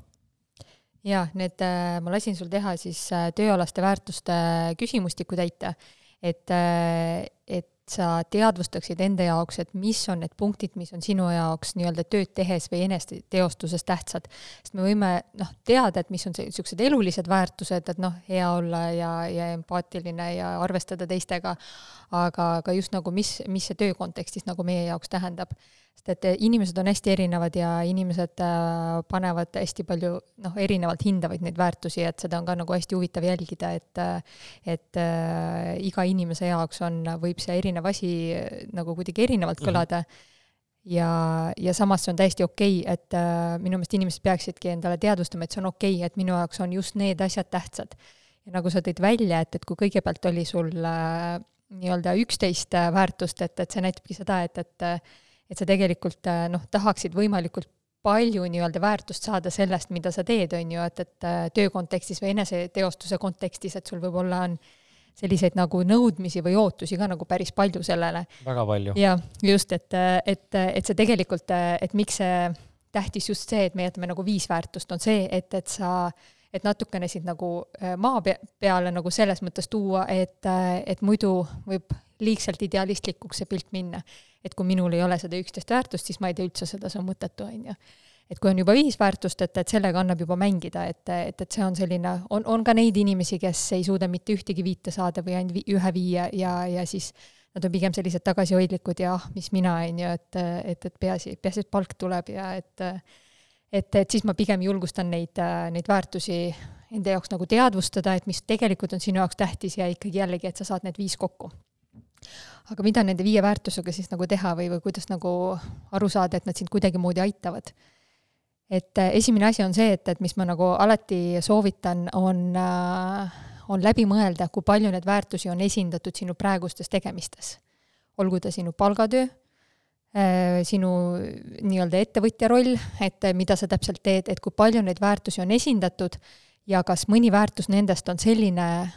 mis nagu eriti torkab silma, et vot, et see on nii tähtis minu jaoks, aga seda üldse praegu ei ole, noh. et, et sealt äh, võib see nii-öelda peegelduda, see rahulolematus, et selles võib see probleem olla. et, äh, et näiteks äh, ettevõtjana kui inimesel näiteks on sellised väärtused nagu sul, on ju, et, et hästi peegeldavad tegelikult nagu ettevõtja rolli, aga stabiilsus on ka tähtis, on ju, ja sellel ettevõttel ei ole sellist stabiilset sissetulekut siis see võib koheselt nagu tekitada niisuguse keeristormi iseenda sees, et noh, et tegelikult on need neli väärtust olemas, on ju, aga see üks on ka tegelikult ju väga-väga tähtis ja kui seda ei ole, siis sa juba hakkad otsima, on ju, et, et mis need lahendused on, on ju. äkki ma peaks midagi muud tegema. et siis ongi küsimus, et et kuidas seda stabiilsust nagu noh, siis tulebki tegeleda selle stabiilsuse väärtusega, et, et, et kuidas seda rakendada praeguste tegemiste juures või teha midagi teistmoodi või jällegi, kui sa lähed palgatööle, siis sa peaksid vaatama, et kui sa tahad, noh, teine asi on see, et kui sa tahad töökohta vahetada või otsid endale uut suunda, siis sa saad vastavalt nende väärtustele hinnata seda, et, et kui palju sulle võiks sobida või mitte sobida see üks suund, on ju. et kui palju on seal võimalus näiteks selle, nende tööülesannete juures aidata teisi näiteks, on ju, või kui palju sul on seal iseseisvust või sa oled selline spetsialist, kellele kõik öeldakse ette et äh, kui sa oled selline, noh, näiteks on selline töökoht, kui sul on iseseisvus on tähtis, aga sulle öeldakse kõik ette, mis sa pead tegema, siis, äh, siis ma ennustan, et noh, poole aasta pärast sul on juba, juba kopp ees, on ju. sa tahad ise otsustada. see on sinu jaoks nagu tähtis. et need ongi sellised nagu teadlikud valikud nii-öelda tuleviku suhtes ja võib-olla teadlik analüüs oma praeguse nagu töö suhtes, et, et kust see nagu rahulolematus äh, võib tulla et, äh, et kuidas sulle nagu endale tundub, et, et need sinu tööalased väärtused ja kui sa praegu oma tegemisi nagu sellega hindad, siis, äh, siis mis sealt nagu joonistub välja? Nendest äh, kahest, tähendab nendest viiest välja tooduna siis kindlad jahid on turvalisus, stabiilsus, mis on kõige suuremad probleemid täna nii-öelda siis, mida ma näen, mis on minu jaoks oluline, aga mida lihtsalt ei ole. ja see kõik peegeldab mulle tagasi sellesse, mis seisus ma täna olen finantsiliselt ja materiaalselt et ähm, muud, muud asjad nagu tunduvad mulle sellised, et äh, on nagu ok, või pigem isegi, isegi nagu kõvasti positiivse poole peal, aga need kaks mm. -hmm. et äh, siin tekib justkui nagu selline valik, on ju, et äh, et turvalisus ja stabiilsus on näiteks palgatööl olemas, aga seal ei pruugi neid teisi asju olla mm. -hmm. ja ettevõtja rollis on need teised asjad olemas, aga, aga justkui hetkel ei ole seda turvalisust ja stabiilsust ja siis on sinu enda sisemine valik ka, et, äh, et kas sa lähed nagu nii-öelda äh, selle väärtust äh, taga ajama, mis on turvalisus ja stabiilsus, mis on sinu jaoks tähtis. ja oled nõus nii-öelda natukene järgi andma nendes teistes, on ju. või siis sa ikkagi leiad mooduse, kuidas oma ettevõtja rollis seda turvalisust ja stabiilsust luua. ma siinkohal küsiks sinu käest, kas sa oled kokku puutunud Gret Rosina raamatutega? ei ole võin sul pärast äh, soovitada, et äh, just äh, külluse loomise poole pealt ja väga-väga praktiline, et erinevad sellised energeetilised harjutused, et kuidas need blokeeringud lahti võtta ja, ja, ja seda küllust nagu hakata nagu rohkem looma. väga hea, ma, ma olen ta nime kuulnud, aga, aga ma isegi tegelikult ütlen ausalt, ei tea, kes ta tegelikult isegi on jah, ta on äh, ka holistilise psühhoteraapia suunaga, aga ta on ennast nagu edasi arendanud ja, ja energeetilisel tasandil töötab inimestega ja tal mm -hmm. on äh, nii-öelda nii enesearmastuse poole pealt äh, on ta raamatu kirjutanud kui ka nii-öelda külluse loomisega ja seal on hästi palju selliseid praktilisi harjutusi et mis on nagu suhteliselt lihtsalt või võivad tunduda liiga lihtsad isegi, aga, aga kui need nagu järjepidevalt äh, mingi aeg teha, siis, äh, siis sa hakkad nagu nägema, et kuidas mingid mustrid hakkavad nagu nagu lõhki minema, et mm -hmm. heas mõttes, et, et seda, seda raamatut ma nii-öelda tema, need mõlemad raamatud ma täitsa vastavalt nii-öelda inimese olukorrale soovitan. siit, siit tekkiski see küsimus juurde, et noh, me tegelikult natuke enne rääkisime ka sellest läbi selle väljumise strateegia või strateegilise plaani loomisest, aga, aga veel võib-olla midagi välja tuua, kuidas hakata läbi nägema enda mittetöötavaid uskumusi ja, ja kuidas neid päriselt muuta. oskad sa äkki enda kogemusest rääkida või, või oma mõne nii-öelda äh, kliendi kogemusest ilma nimesi mainimata siis nagu rääkida, et ähm, mis, mis päriselt on töötanud ja mis võiks töötada? mm. -hmm. korra praegu mõtlen äh, just mingid nagu näite, näite puhul, et äh, et võib-olla, võib-olla ma räägiks nagu enda näite siia mm -hmm. kõrvale, et, äh, et minul on nagu aastaid olnud tugev uskumus, et ainult palgatööga saab hästi ära elada et, et kuigi mul on isa väga pikalt ettevõtja olnud, aga ema mul on väga-väga truu palgatöötaja olnud, et väga-väga tubli ja kohusetundlik ja ja kuna me oleme temaga suhteliselt lähedased, siis, äh, siis tema on mulle kuidagi kohe peale keskkooli, miks ma ei, läinud ka psühholoogiat õppima, sest et sellega ei teeni piisavalt, et et vali ikkagi selline amet, et, et kus, kus teenib piisavalt hästi. ja, ja tegelikult äh, miks ma nüüd, äh, kuigi ma olen kogu aeg juba peale keskkooli tegelenud kõrvalettevõtlustega täiesti erinevatel teemadel, kunagi korraldasin ettevõtluskoolitusi ja ja noh, nipelt-näpelt niimoodi natukese kaupa, aga mul on kogu aeg kaasas käinud see uskumus, et et ainult palgatööga sa saad endale kuidagi head elu tagada või, või et, et, et ettevõtlus on selline nagu lihtsalt hobi korras kõrvalt tegemine ja ja ma tegelikult iga kord, kui ma vahetasin nagu seda palgatööd ja tegin jälle seda palgatööd, ma ei olnud õnnelik. et, et ma kogu aeg tundsin, et minus on rohkemat potentsiaali. aga mul kogu aeg oli see nagu uskumus taga, et ja tegelikult see võttis aastaid aega, et mul aru saada, et mul on see uskumus seal taga sest et kui ma jälle jagasin oma emaga teemat, et, et noh, et äkki see palgatöö ikka ei ole minu jaoks ja, ja ma tunnen, et mind surutakse kuskile ja ma ei saa oma arvamust avaldada, siis ta ütles, no jaa, et ta saab aru küll, aga noh, muud moodi ei ole võimalik ju elus ära elada, on ju. ja, ja, ja tegelikult alles nüüd mõned aastad tagasi ma hakkasin nagu aru saama, et, et keegi teine nagu räägib mulle seda juttu et, et ma isegi ei räägi ise endale seda, et keegi teine kogu aeg mingi see sisemine, see ema või, või, või keegi räägib mulle seda juttu ja ja kui ma hakkasin seda teadvustama, et, et see on mingi teine hääl, see ei ole nagu minu enda hääl, et tihti uskumus ongi see, et keegi teine nagu ütleb sulle midagi, et sa võib-olla alguses ei pruugi nagu aru saada, et see on, et see ei ole sinu enda hääl, on ju, et sinu mõistuse hääl, siis kui sa hakkad nagu aru saama, et see tuleb kuskilt mujalt, siis sa saadki aru, et see ongi see uskumus, on ju, mis, mis on see, mis sind nagu takistab ja, ja siis ma hakkasin äh, täiesti nagu teadlikult ennast nagu ümber suunama, et see ei olnudki nagu nii keeruline, sest selle, selle taga ei olnud nii palju emotsioone, mõne uskumusega on hästi palju emotsioone taga, mingi hirmudega. et äh, ja, ja kui ma selle nii-öelda enda jaoks hakkasin juba ümber kirjutama ja ma hakkasin tegelikult uskuma, et, et ka pa-, nii-öelda ilma palgatööta või ettevõtjana saab tegelikult hästi ära elada, siis hakkasid sellised täiesti uskumatud asjad toimuma, et, äh, et, et kuidagi ma, ma nagu tundsin, et palgatööl käies see raha, mis ma teenisin, see kõik kadus kuskil ära nagu, et, et mul nagu ei jätkunud, mul oli kogu aeg selline tunne, et ma peaks justkui mingi palgakõrgendust saama või aga siis, kui ma nii-öelda ettevõtja rollis äh, sain ka nii-öelda mingid äh, nii-öelda summad, siis mulle tundus, et oh, et mul jääb ülegi, et kuigi ma suure tõenäosusega ei, ei, ei, ei ole see isegi nagu noh, küündinud päris nagu selle summani, aga kuidagi see, see, see energia, see rahaenergia, see on nagu teistmoodi, et, et kui sa nagu, sa võid käia tööl, aga sa võid ikka tunda, et sul nagu ei ole seda piisavalt. ja sa võid nagu saada vähem raha ja sul tundub, et sa tegelikult elad väga hästi ära. ja, ja huvitav oli ka see, et peale seda, kui ma selle uskumuse hakkasin enda peas nii-öelda vaikselt ümber kirjutama, siis hakkas ema mulle ka ütlema, et äkki see palgatöö ikka ei ole sinu jaoks et, et, et ta näeb, et, et minus potentsiaali ja ma võiksin ikka nagu mingit oma asja teha et noh, täiesti müstiline, on ju, et kuidas ta eluaeg oli mulle ühte asja rääkinud ja siis, kui mina hakkasin endaga töötama, et kuidas energeetiliselt see jõudis temani ka. et ta nägi, et äkki mingid muud võimalused on ka, et olgu, tema jääb palgatööle, see on tema uskumus, aga, aga teised inimesed võivad teistmoodi teha. ehk siis jälle tegelikult kinnitus ja näide sellest, et maailm on meie peegel, et me ei saa muuta teist inimest ega panna talle teistmoodi meid vaatama, vaid me muudame iseennast ja siis teine inimene tõenäoliselt muutub samamoodi kaasa me tegime, sa palusid teha veel ühe mul ühe harjutuse, kas sa äkki ähm, tuletad meelde, mis harjutus see oli ja, ja siis ma, siis äh, saame rääkida, miks ma sellega hakkama ei saanud? jaa, see oli see harjutus, kus ma palusin sul äh, välja mõelda kaks-kolm võimalikku äh, varianti, mida sa tööalaselt võiksid edasi teha. ja, ja see nii-öelda nõustamiste käigus me jõuame läbi äh,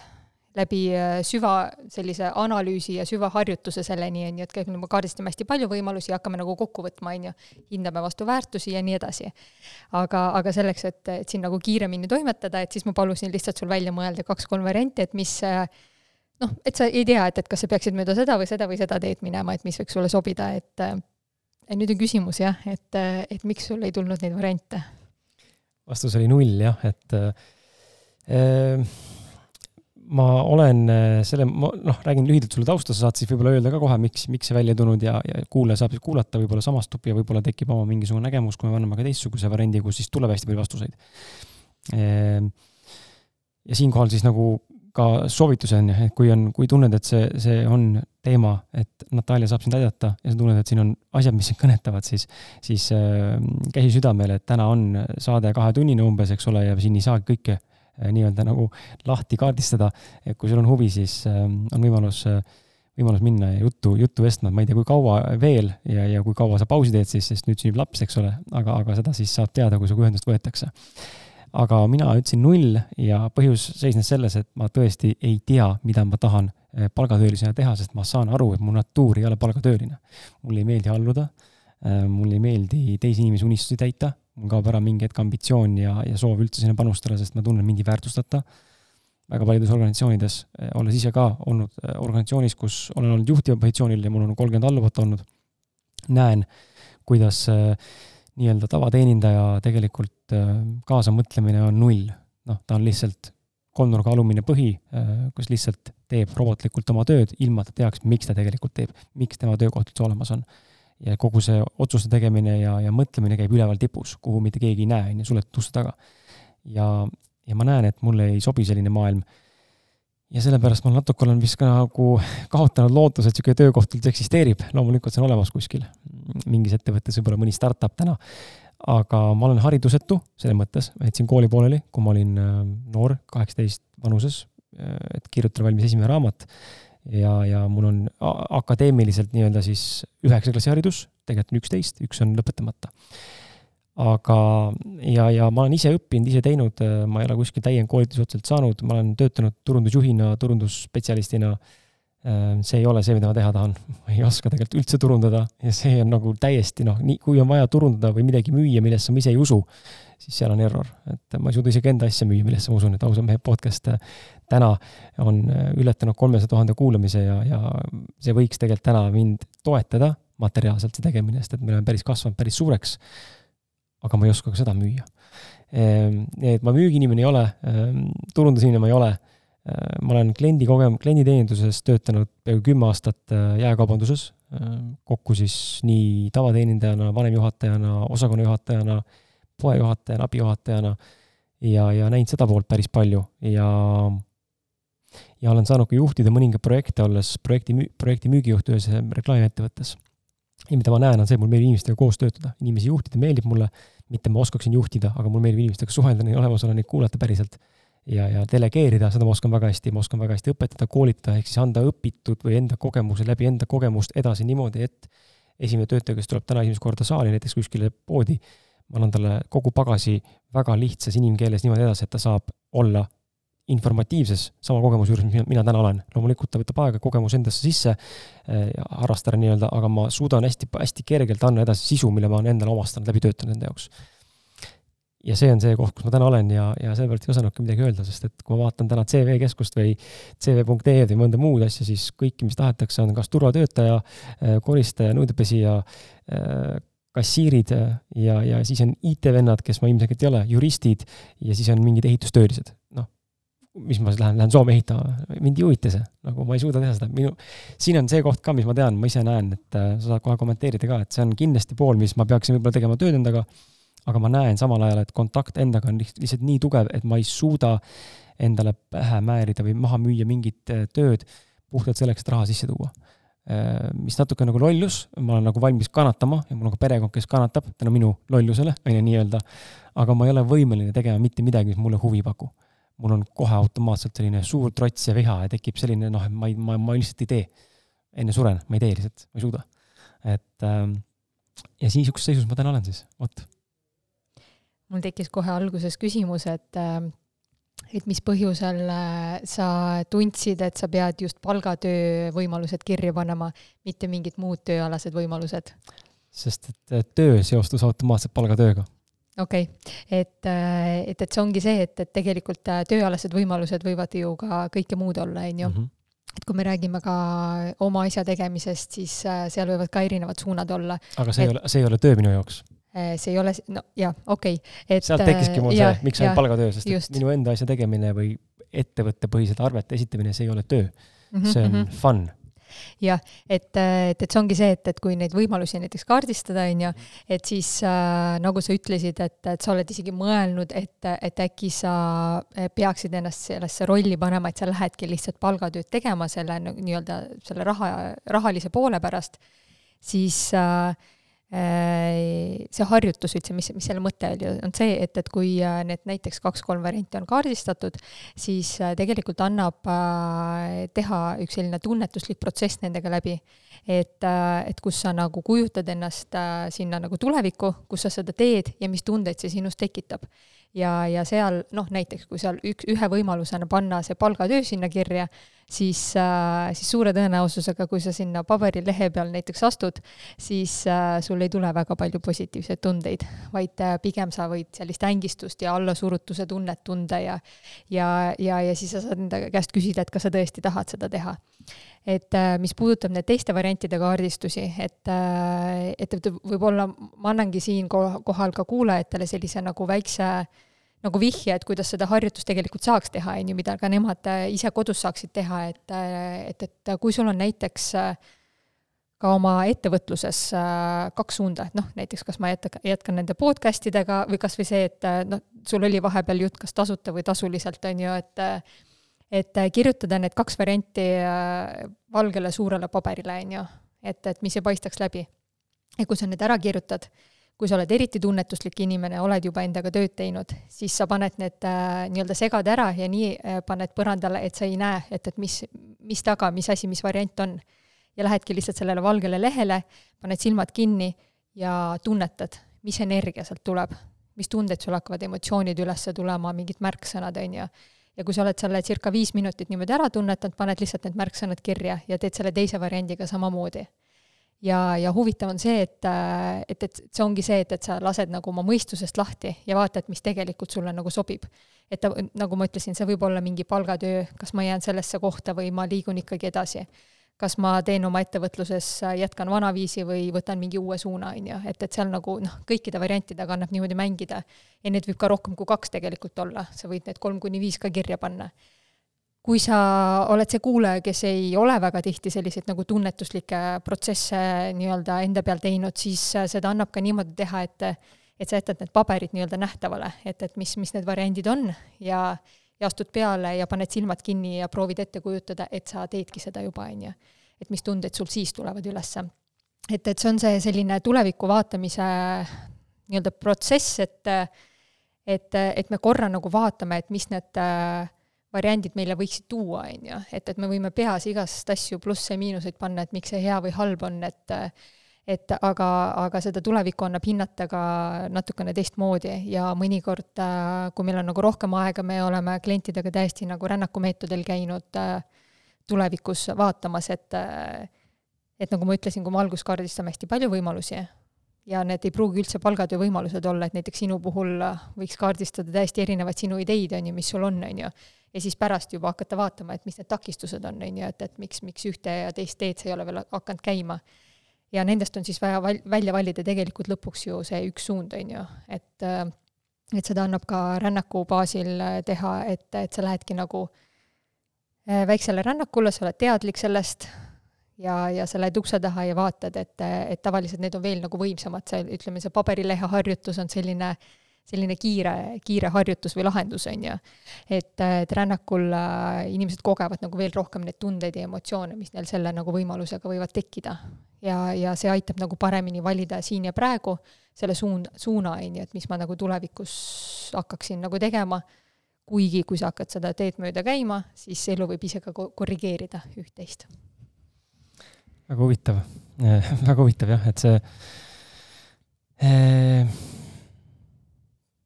jaa, ei, see on väga huvitav. mulle see annab, annab nagu lootust ja, ja teistpidi äh, ma usun, et ähm, noh, ma olen selles mõttes nõus, et iga, iga vaimne või selline, ütleme, vaimsem, ei pea tähendama kohe, et ta on mingisugune süva New Age või esoteeriline praktika, aga vaimsem äh, selline sisekaemuslikum äh, katsetus, siis see loomulikult teinekord annab palju suurema pildi mõista, et ma ise nägin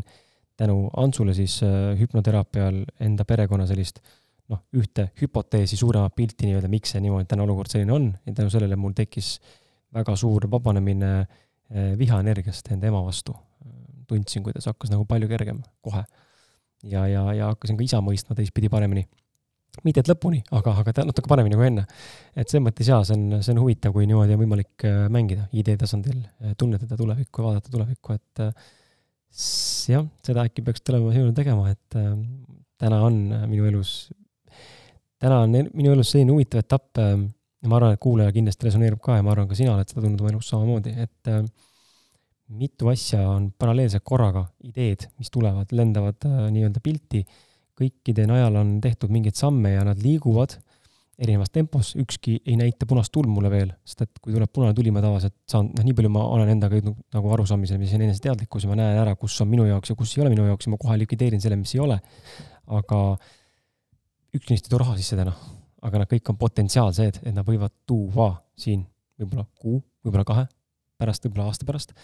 ja nüüd ongi see küsimus, et võib-olla peaks tegema selle testi, et näha siis, kuhu tegelikult tuleks see fookus esimesena suunata. Ehm, sest et võib-olla ise ei saagi aru, mis, mis tegelikult see kõige potentsiaalsem nii-öelda kohe võiks nagu vallanduda. aga mm, me rääkisime rännakust põgusalt, ma tõmbaks siit kohe küsimuse juurde visualiseerimise kohta. see on midagi, mida jälle vaata nagu huvitav, täna tuleb saatest välja, nagu ma oleksin, ma jätan nagu võib-olla mulje, kui on uus kuulaja, kes vana kuulaja on, see teab, et äh, elu ongi üles-alla ja, ja me oleme siin varem ka eelneva saatejuhiga, kes täna saatejuht ei ole, pidevalt rääkinud enda erinevatest äh, uskumustest ja katsumustest ja taipamistest ja ja, ja saboteerimismõtetest, siis täna ma näen, et ma absoluutselt ei visualiseeri enam. see on nagu kadunud. tunnen, et minus on, ma tunnen, et minus on mingi depressiivsuse hõng on tekkinud sisse ja ma, ma ei karda seda tunnistada ähm, ja ma saan sellest aru ja see ongi huvitav küllalt näha, et ma ei ole ennast varem selliselt tundnud ja see on hästi ebamugav olukord, see on hästi vastik olukord. ja, ja ma näen, et visualiseerimine on taha taustale jäänud ja unistamine on muutunud selliseks äh,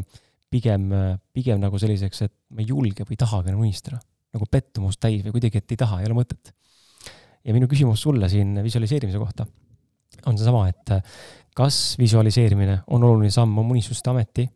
Äh, või siis unistuste elu või siis oma unistuste mingite projektide või ideede elluviimisel või elu loomisel. ja, ja samamoodi siis, ähm, kui on oluline, siis miks ta oluline on või miks ta ei ole oluline ja kuidas ning läbi millise prisma soovitad sina seda äh, visualiseerimistehnikat kasutada ja kuidas sa seda teed mm? -hmm. Et tegelikult äh, sa kindlasti ise ka tead, et eks see unistamine visualiseerimine on tähtis et äh, ja mis puudutab nagu ütleme nii, et töö kontekstis ja jällegi siin me ei räägi ainult nagu sellest palgatööst, vaid me räägime nagu palju laiemalt, on ju, olgu need äh, sinu projektid või, või äh, see selline eneseteostus. et miks see nagu tähtis on, on see, et ähm, et kui alguses me rääkisime sellest, et miks on tähtis nagu iseendast aru saada, on ju, et mis minu sees toimub ja mis on minu blokeeringud ja uskumused, siis tegelikult äh, selline nagu visualiseerimine ja unistamine on see, et äh, sa annad nagu elule märku, et, et ma tahan seda. või ma tahan äh, sellist elu endale luua. või ma tahan äh, sinnapoole liikuda, jällegi nagu me oleme rääkinud, isegi kui sa täpselt ei tea, et, et mis, mis see on või mis töö see on. et, et minu, võib-olla tooks siia sisse enda kogemuse, et et kui ma nii-öelda esimese lapsega mm, kui tuli mõnekuune, jäin üksikemaks, siis äh, ütleme nii, et minuga kõik, kõik minu unistused, visualiseerimised ja asjad nii-öelda kukkusid hetkeks kokku, on ju, et, et noh, mitte midagi ei olnud, on ju, et, et oli lihtsalt see suur armastus lapse vastu ja, ja temaga hakkama saamine.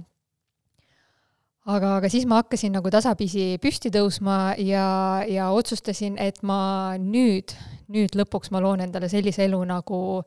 nagu ma tahan ja siis ma hakkasin endalt küsima, et noh, et mida, mida ma siis tahan, et eks ma nagu noorest peast ka nagu arvasin, no mis ma tahan, nagu peret, armastavat meest, ilusat kodu, et, et noh, nagu kõik tahtsid, aga aga mida ma nagu süvitsi tahan. et mitte see, et ma lõikan albumist ilusate autode ja kodude ja meeste pilte ja panen kuskile ülesse, kuigi ka seda ma noorest peast kunagi tegin. kas, kas aitas või? ei aidanud et äh, vaid, äh, vaid ma nagu äh, tunnetan läbi, et mis emotsioone ma tahan oma elus kogeda, mis emotsioone ma tahan oma lähisuhtes kogeda, mis emotsioone ma tahan pereelus kogeda, mis emotsioone ma tahan tööl, nagu tööd tehes, on ju, või eneseteostuses kogeda ja ka igapäevaelus, sest et äh, minu, mina olen see inimene, kelle jaoks on ka väga tähtis see, et äh, et kuidas mu üldse nagu igapäevaelu nagu see päevakava välja näeb või nädalakava või et ma ei taha üheksast viieni kuskil ühe koha peal istuda, ma tahan ise planeerida, ma tahan aega, et looduses jalutada, trenni teha, oma perega aega veeta, eh, mehega, lapsega, et et, et hästi tähtis oli just see nagu emotsioon sinna taha saada. Et, et, et mis on minu jaoks tõeliselt tähtis ja, ja mida ma tahan. ja järgmine asi oligi see, et et tuli hakata uskuma sellesse, kuigi ma olin nagu noh, täiesti null platvormilt nii-öelda alustamas tuli hakata uskuma, et see on võimalik, kuigi mul väga paljud inimesed ütlesid, et ma olin sellises olukorras, kus ma olin nagu üksik ema, ma otsustasin, et ma enne lapse kolmandat eluaastat eh, tööle ei lähe, nad ütlesid, et täiesti hull, kuidas see võimalik on, ma ütlesin, ma ei tea, kuidas see võimalik on, aga ma lihtsalt ei lähe. Ja ma ei lähe ka tagadus, tagasi panganduse valdkonda, siis kõik ütlesid, ei no see on nii turvaline ju, et sa peaksid ikkagi minema ja ja ma ütlesin ei, ma, ma jällegi ei tea, kuidas on võimalik, aga ma otsustasin, et ei, ma ei lähe et, et see sise, sisemine otsus, et see ja usk sellesse, et see unistus on nagu võimalik või see visualiseeritud pilt on nagu võimalik. et, et, et see on nagu hästi tähtis jällegi, mitte lihtsalt see, et sa nagu mõtled, ma tahan head suhet või, või äh, mingit ägedat töökohta, vaid see, et sa tunnetad enda peal läbi ja sa usud, et see on võimalik ja see on täiesti okei okay,, kui sa ei tea, kuidas see, kuidas see üldse saama hakkab või mis saama hakkab või, või mis samme sa pead astuma, et sa alguses ei teagi seda et, et, et see ongi see, et, et sina oled nagu punktis A ja sa loodki selle punkti võib-olla D või E, on ju, kuskil, kuskil tulevikus. ja, ja kui sul on selle visualiseerimisega tunne, tuleb peale ka selline nagu mingi ajajärk või noh, et millal see võiks juhtuda, on ju, siis see on ka tegelikult väga hea. et, et mina nagu tundsin, et kui laps saab kolm, on ju, et kui ta läheb lasteaeda, et selleks ajaks mul peaks olema selge, et mida ma teen ja, ja see peab olema mingi uus suund mul et ähm, et, et jah, see visualiseerimine, unistamine on, on väga-väga tähtis. et äh, ja just selles kontekstis, et, et sa tunnetad seda ja võib-olla ka minu enda kogemusest see kolme aasta periood, enne seda, kui see hakkas päriselt nagu vilja kandma, kolm aastat hiljem nii-öelda, et mis mind nagu aitas sellel teekonnal, just see pilt minu enda nagu äh, kuidagi jah, ma isegi vist joonistasin üles midagi, ma kindlasti kirjutasin midagi üles, aga kõige rohkem tugevamalt oli see südames mul see pilt, et, et see on võimalik. et ja kui olid need mustemad päevad ja raskemad ajad, siis ma lihtsalt uskusin, et see on võimalik, ma, ma ütlesin, ma tõesti ei tea, kuidas see on võimalik, aga ma usun, et see on võimalik. Ja, ja kuidagi läkski nii, et tegelikult elu hakkas neid võimalusi nagu pakkuma mm. -hmm. ja, ja see lõpuks ma jõudsingi välja täpselt sinna, selle, sellesse pilti, millesse ma, ma olin nagu noh, ikkagi heas mõttes olin selles kinni kolm aastat. väga huvitav, sa võid äh, vett juua, kui sa soovid, et ähm, siis sa ei kuluta enda, enda hääle palju niimoodi ära praegu siin järjest, et äh, ma ei tea, kas rasedana on äh, raskem rääkida ka?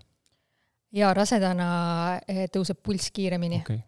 sellest ta tõuseb niikuinii, ta on niikuinii äh, keskmisest äh, kiirem. ja, ja, siis, kui liigutamine või rääkimine või, või kõik sellised olukorrad tõstavad pulssi veelgi. aga praegu isegi ma imestan, et see on suhteliselt okei okay olnud. väga hea. piinan sind veel siis natukene siin aega ehm,. okei aga mm, kuna vaatan neid küsimusi siit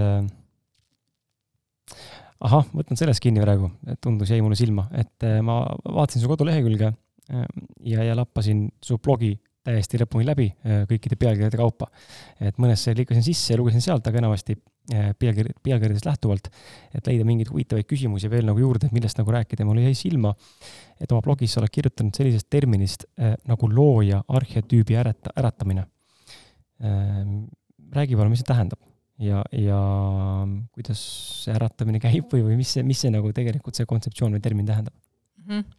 see võib olla ka otseselt seotud mingil määral ka selle unistamise ja visualiseerimisega. et äh, ma ei tea, kas sa oled Pearsoni raamatust kuulnud ja kaheteistkümnest äh, arhetüüpist? kusjuures ei ole. ma, kusjuures mul on see raamat kaasas, ma pärast näitan sulle ja ma väga-väga soovitan seda. et, äh, et see on siis äh, inimese arenguteel läbi kaheteistkümne arhetüüpi, millest üks siis on looja arhetüüp, et äh, et ja see arengutee tegelikult kestabki spiraalina, et kui sa ühe ringi nagu ära teed, siis sa tegelikult võid mingite teemadega täiesti otsast peale alustada ja, ja looja arhetüüp tegelikult on see, mis äh, äh, aitab sul luua iseenda elu siis. ja, ja seal nagu jaguneb ta kolmeks osaks, et äh, nii-öelda kolmeks etapiks on ju, et äh, need inimesed, kes nagu üldse ei ole teadlikud sellest äh, ar-, arhetüübist iseendas, et nemad loovad äh, oma elu hästi ebateadlikult, neil lihtsalt asjad juhtuvad ja, ja kõik, mis on, nii on ja, ja ja nad nagu ei näe mitte mingisuguseid seoseid siis äh, teisel tasemel inimene hakkab siis aru saama, et äh, et midagi ta vist ikkagi saab mõjutada, et aga see mõjutamine toimub nii, et midagi nagu toimib ja midagi nagu ei toimi. ja, ja kolmas tase on see, kus sa juba väga teadlikult enamus asju saad oma ellu luua, täpselt sellega, et sa kas visualiseerid midagi, ja see juhtub mingi aja pärast, et või tekivad mingid sünkroonsused sinu elus, et et tegelikult noh, minu enda jaoks ongi selles arheotüübis see areng ongi see, et, et noh, nii-öelda sinna kolmanda tasemeni jõuda, et, et hakata teadlikult oma elu looma. aga miks see nagu on tähtis, see teadvustamine, tegelikult kogu, kõigi kaheteistkümne arheotüübi tea-, teadvustamine on nagu väga tähtis. aga, aga looja arheotüübi selles nagu tööalases kontekstis just see, et sa ei saa endale luua uut äh, töökohta, see, mis sind päriselt nagu rahuldaks või, või mingit eneseteostuse suunda, kui sa ei ole kontaktis selle looja arheotüübiga, kui ta sul on, magab ja asjad lihtsalt juhtuvad iseenesest. et siis sa oledki sellises seisus, kus sa eeldad või ootad, et keegi väljastpoolt ütleb sulle, mis sulle sobib või kuhu see peaks minema või teeb sulle mingi hea tööpakkumise, et, et ostab üle näiteks või midagi sellist. aga, aga lõppkokkuvõttes sa ikkagi nagu ei ole rahul et, et, et tegelikult, kui sa juba jõuad teise tasa, tasandini selles, kui sa juba osa sellest saad hakata looma, oma elust, siis äh, see on juba ka su-, suur samm ja, ja seal on selline, äh, selline sõna nagu loovus on ka hästi tähtis, et looja ja loovus. et paljud inimesed arvavad, et see loovus on midagi, mis on, ma ei tea, muusikutel ja kunstnikutel, et tegelikult äh, loovus on igas inimeses olemas ja, ja, ja loovust saab kasutada noh, täiesti erinevatel ametikohtadel erinevaid asju tehes, et loovus on midagi, kui sa teedki nagu väljaspool seda kasti, on ju, et, et nii nagu võib-olla inimesed on harjunud nägema või et sul on mingid uued lahendused või uued mõtted. et kas ta on nagu puhtalt tööalaselt või ka oma elu loomisel, on ju, et sa tuled sellest mugavustsoonist välja.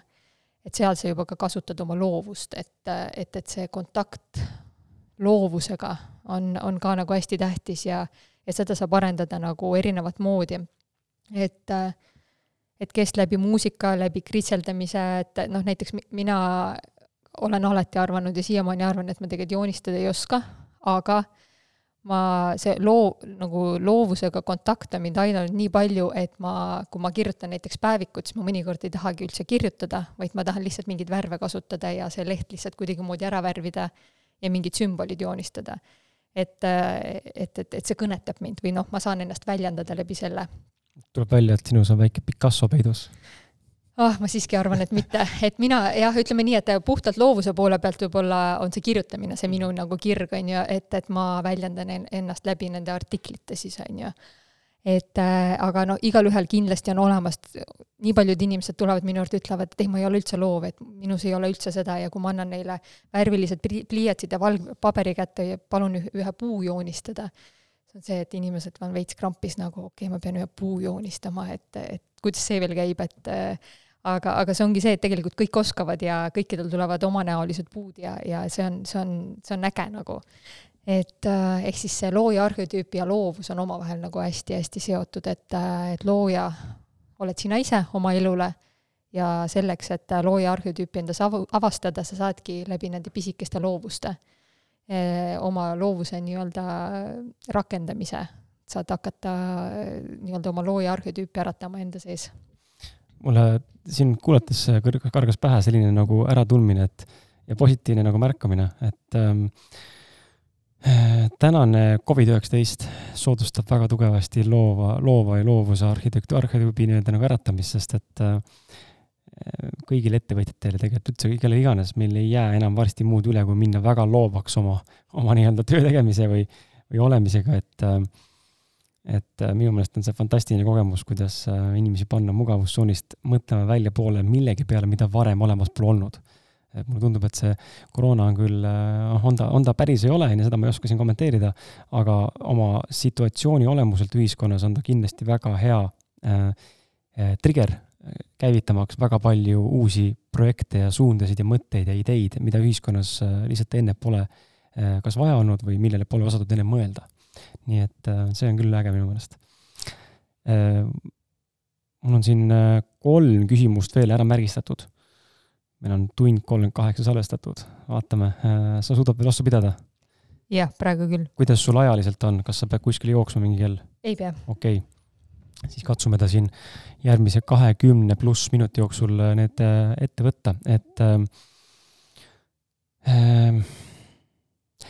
Angela Duckworthi poolt kirjutatud raamat Grit ehk südikus ähm, on, on see, mis mul sinu kodulehel ka samamoodi blogi vaadates silma jäi ja, ja me oleme siin südikusest varem rääkinud ka kellegagi, ma ei mäleta kellega, oleme vist isegi üksi rääkinud äkki tänu Robin Sharma äh, mingitel videodele, kus ta on seda põgusalt puudutanud ja kus mind on see kõnetanud ja, ja siis ma olen üritanud üksi sellest rääkida. aga, aga see raamat tundub olevat midagi sellist, mida tegelikult tahaks lugeda, aga mingi põhjusega, kui ma alustasin, siis ma ei olnud valmis selleks, ma tundsin, et ma ei suutnud. Äh, pidin ta käest ära panema, nii näkki vist. kui ma nüüd õigesti mäletan, ma võin praegu eksida, aga kui ma õigesti mäletan, ma olin vist reisil Euroopas. ja võtsin ta kaasa, aga ma ei suutnud teda lugeda. Läksime kolmeks kuuks reisima, meil last ei olnud siis ja, ja siis ma ei suutnud lugeda seda. aga räägi meile siis, nüüd on võimalus sul korvata see nii-öelda minu puudujääk sellest kohast, et äh, seda raamatut palju kiidetud ja, ja Robinit ma armastan ja usaldan ja, ja tegelikult usaldan ja armastan ka sind, kuna sa selle välja tõid, on ju, et see on mu silma uuesti jäänud, et räägi, mida tähendab sinu jaoks südikus ja miks meil on vaja seda endas arendada? see on huvitav, et see raamat jäi sulle silma, et ta on üks mu lemmikraamatutest üldse nii-öelda nii tööalases kontekstis kui ka, kui ka lapsevanemana, kui ka tegelikult sellises enesearengu teel. et südikus on siis nagu selle raamatu järgi võib-olla nagu lihtsamini öeldes, nagu paljud inimesed võib-olla seal kirg ei ole õige sõna, et, et see südikus on ikkagi nagu eelkõige selline tahtejõud, on ju, et, et mingi, mingi kas kire saavutamisel või kuhugi jõudmisel. aga mis on nagu huvitav, et, et ta, et, et see autor, raamatu autor toob selle mm, kire mõiste hoopis teistmoodi sisse. et, et kui enamus inimesi arvavad, et kirg on midagi sellist või anne, kirg millegi vastu või, või on seotud sellega, et, et mul on mingi anne millegi vastu, et arvad, et nagu lapsed juba sünnivad sellega, et lihtsalt noh, kelle vanemad on tublid, avastavad, kellel ei avasta, et et, et tegelikult see autor äh, viib selle nagu teooria täiesti pea peale ja ütleb, et, et tegelikult nagu ei ole niimoodi, et sul on lihtsalt üks anne, sa oled selles hea ja hakka seda tegema ja sa saad hästi edukaks. Et tegelikult on, on see hoopis nagu niipidi, et sa pead kõigepealt hakkama midagi tegema ja siis sa saad kätte selle ande ja kire, et, et see anne nagu avaldub läbi tegemise. et, et ja see anne, mis on sul kahekümne kolme, kahekümne, kolmekümneselt, mida sa võid endas avastada, sa ei pruugi seda viieaastaselt üldse nagu näha et, et, et see ei ole midagi sellist staatilist, et nüüd ma sündisin, nüüd mul on see ja, ja, ja nüüd ma ei pea mitte midagi muud tegema, ma lihtsalt pean nagu nägema, et mul on see ja ma saan hästi edukaks et, et, et seal ta mitu, mitu korda rõhutab, et kõigepealt tuleb see tegemine, see pühendumine nii-öelda sellele valdkonnale, see tee, mida sa välja valid. ja alles siis tuleb see, see teadvustamine, et ma olen vist andekas selles ja, ja tuleb ka see tulemus, et ta toob hästi palju erinevate sportlaste näitel äh, neid lugusid, et et on neid sportlasi siis, kes on nagu lapsed justkui nagu väiksest peale on nagu andekad, aga nad ei ole noh, väga kas pühendunud või töökad või, või lihtsalt mõtlevad, ah, ma olen andekas, et, et sellest piisab. ja siis on neid, kes jõuavad mingi ala juurde puhtjuhuslikult, lihtsalt hakkavad sellega nagu tööd tegema ja tegelikult jõuavad palju-palju kaugemale kui need justkui andekad lapsed. et, et, et see ei ole midagi, et see anne eh, ei ole midagi sellist staatilist, et keegi tuleb ja ütleb sulle, et sa oled selles hea ja, ja, ja nüüd tee seda. et, et, et just sa pead äh, hakkama midagi tegema ja, ja seal ta ka hästi palju mm, julgustub katsetama erinevaid asju, kui inimene ei, ei noh, ütleb tõesti, et noh, ma tõesti ei tea, on ju, mis võiks mulle sobida, siis tuleb hakata katsetama lihtsalt ja välistamismeetodil äh, üks hetk sa jõuad kindlasti selle asjani, mis tekitab sul hea tunde. ja, ja, ja siis selle hea tunde pealt sa saad juba hakata sellega nagu rohkem tegelema ja rohkem sinna aega panustama ja, ja ta ütleb ka, et, et see raamatu autor, et, et circa kümme aastat võtab aega, et, et kuskil valdkonnas nagu heaks saada. et mida inimesed ka tihti võib-olla teevad, on see, et et esiteks nad otsivad seda annet ja justkui, et kui ma leian selle ande, nüüd ma saan terve elu nagu sellele toetudes seda asja teha ja ma olen hästi õnnelik. tegelikult see ei ole niimoodi, et, et, et et paljud inimesed tahavad mingitel etappidel loobuda, et tekivad noh, sellised tunded või sellised eluolukorrad ja see südikus ongi see, et, et sa ikkagi lähed läbi, sa lähed nendest takistustest läbi. Ja kui sa lähed nendest takistustest läbi, siis sa lähed veel rohkem süvitsi selle teemaga. et, et, et südikus ongi see selline tahtejõud, et sa ikkagi liigud sellel teel e-, edasi, mitte nagu ei, esimese takistuse juures ei, ei pöördu nagu tagasi. Et mitte ennast nagu hästi kõnetas see raamat just sellel põhjusel, et mul oli nagu nooremana mingi hetk äh, selline periood, kus ma kippusin oma projektid või asjad nagu pooleli jätma, sest et asi muutus ebamugavaks või mingid justkui takistused tulid, aga need ei olnud need nagu need punased mm, -hmm. need lipud, on ju, et äh, aga olid sellised väiksed ebamugavused et äh, nüüd ma olen harjunud juba seda protsessi läbi nägema selliselt, et ma tean, et üks hetk seal umbes veerand enne lõppu see, see, see selline ebameeldiv koht tuleb, mis nagu testib mind, et kas ma päriselt tahan seda, et siis ma lähen lõpuni välja, või siis ma ikkagi nagu loobun ja mõtlen, ah, see ei ole minu jaoks, et ma hakkan midagi muud tegema. et siis võibki juhtuda see, et sul on mitu suunda lahti ja, ja tegelikult seda tulemust ei tule nagu mitte kuskilt, on ju, et äh, et see südikus äh, ja see tahtejõud äh, ongi see, et, et kuidas ennast nagu läbi närida nendest nagu raskematest kohtadest ja, ja tegelikult need inimesed, kes ennast läbi närivad nendest, nendest raskematest kohtadest, ka jõuavad lõpuks selleni, et nad tunnevad, et see on võib-olla tõesti nende anne, nad on selles väga head, nad on selles eksperdid ja nad saavad mingit väärtust luua tervele maailmale läbi selle, mida nad teevad, aga see võtab aega kõik. Et inimesed võib-olla ei ole harjunud ka meie heaoluühiskonnas pingutama, et äh, sest ka minu karjäärinõustaja teekond ju nüüd äh, ma olen seda, no ütleme nii, et kuus aastat teinud, et äh, esimesed kolm aastat oli kindlasti selline,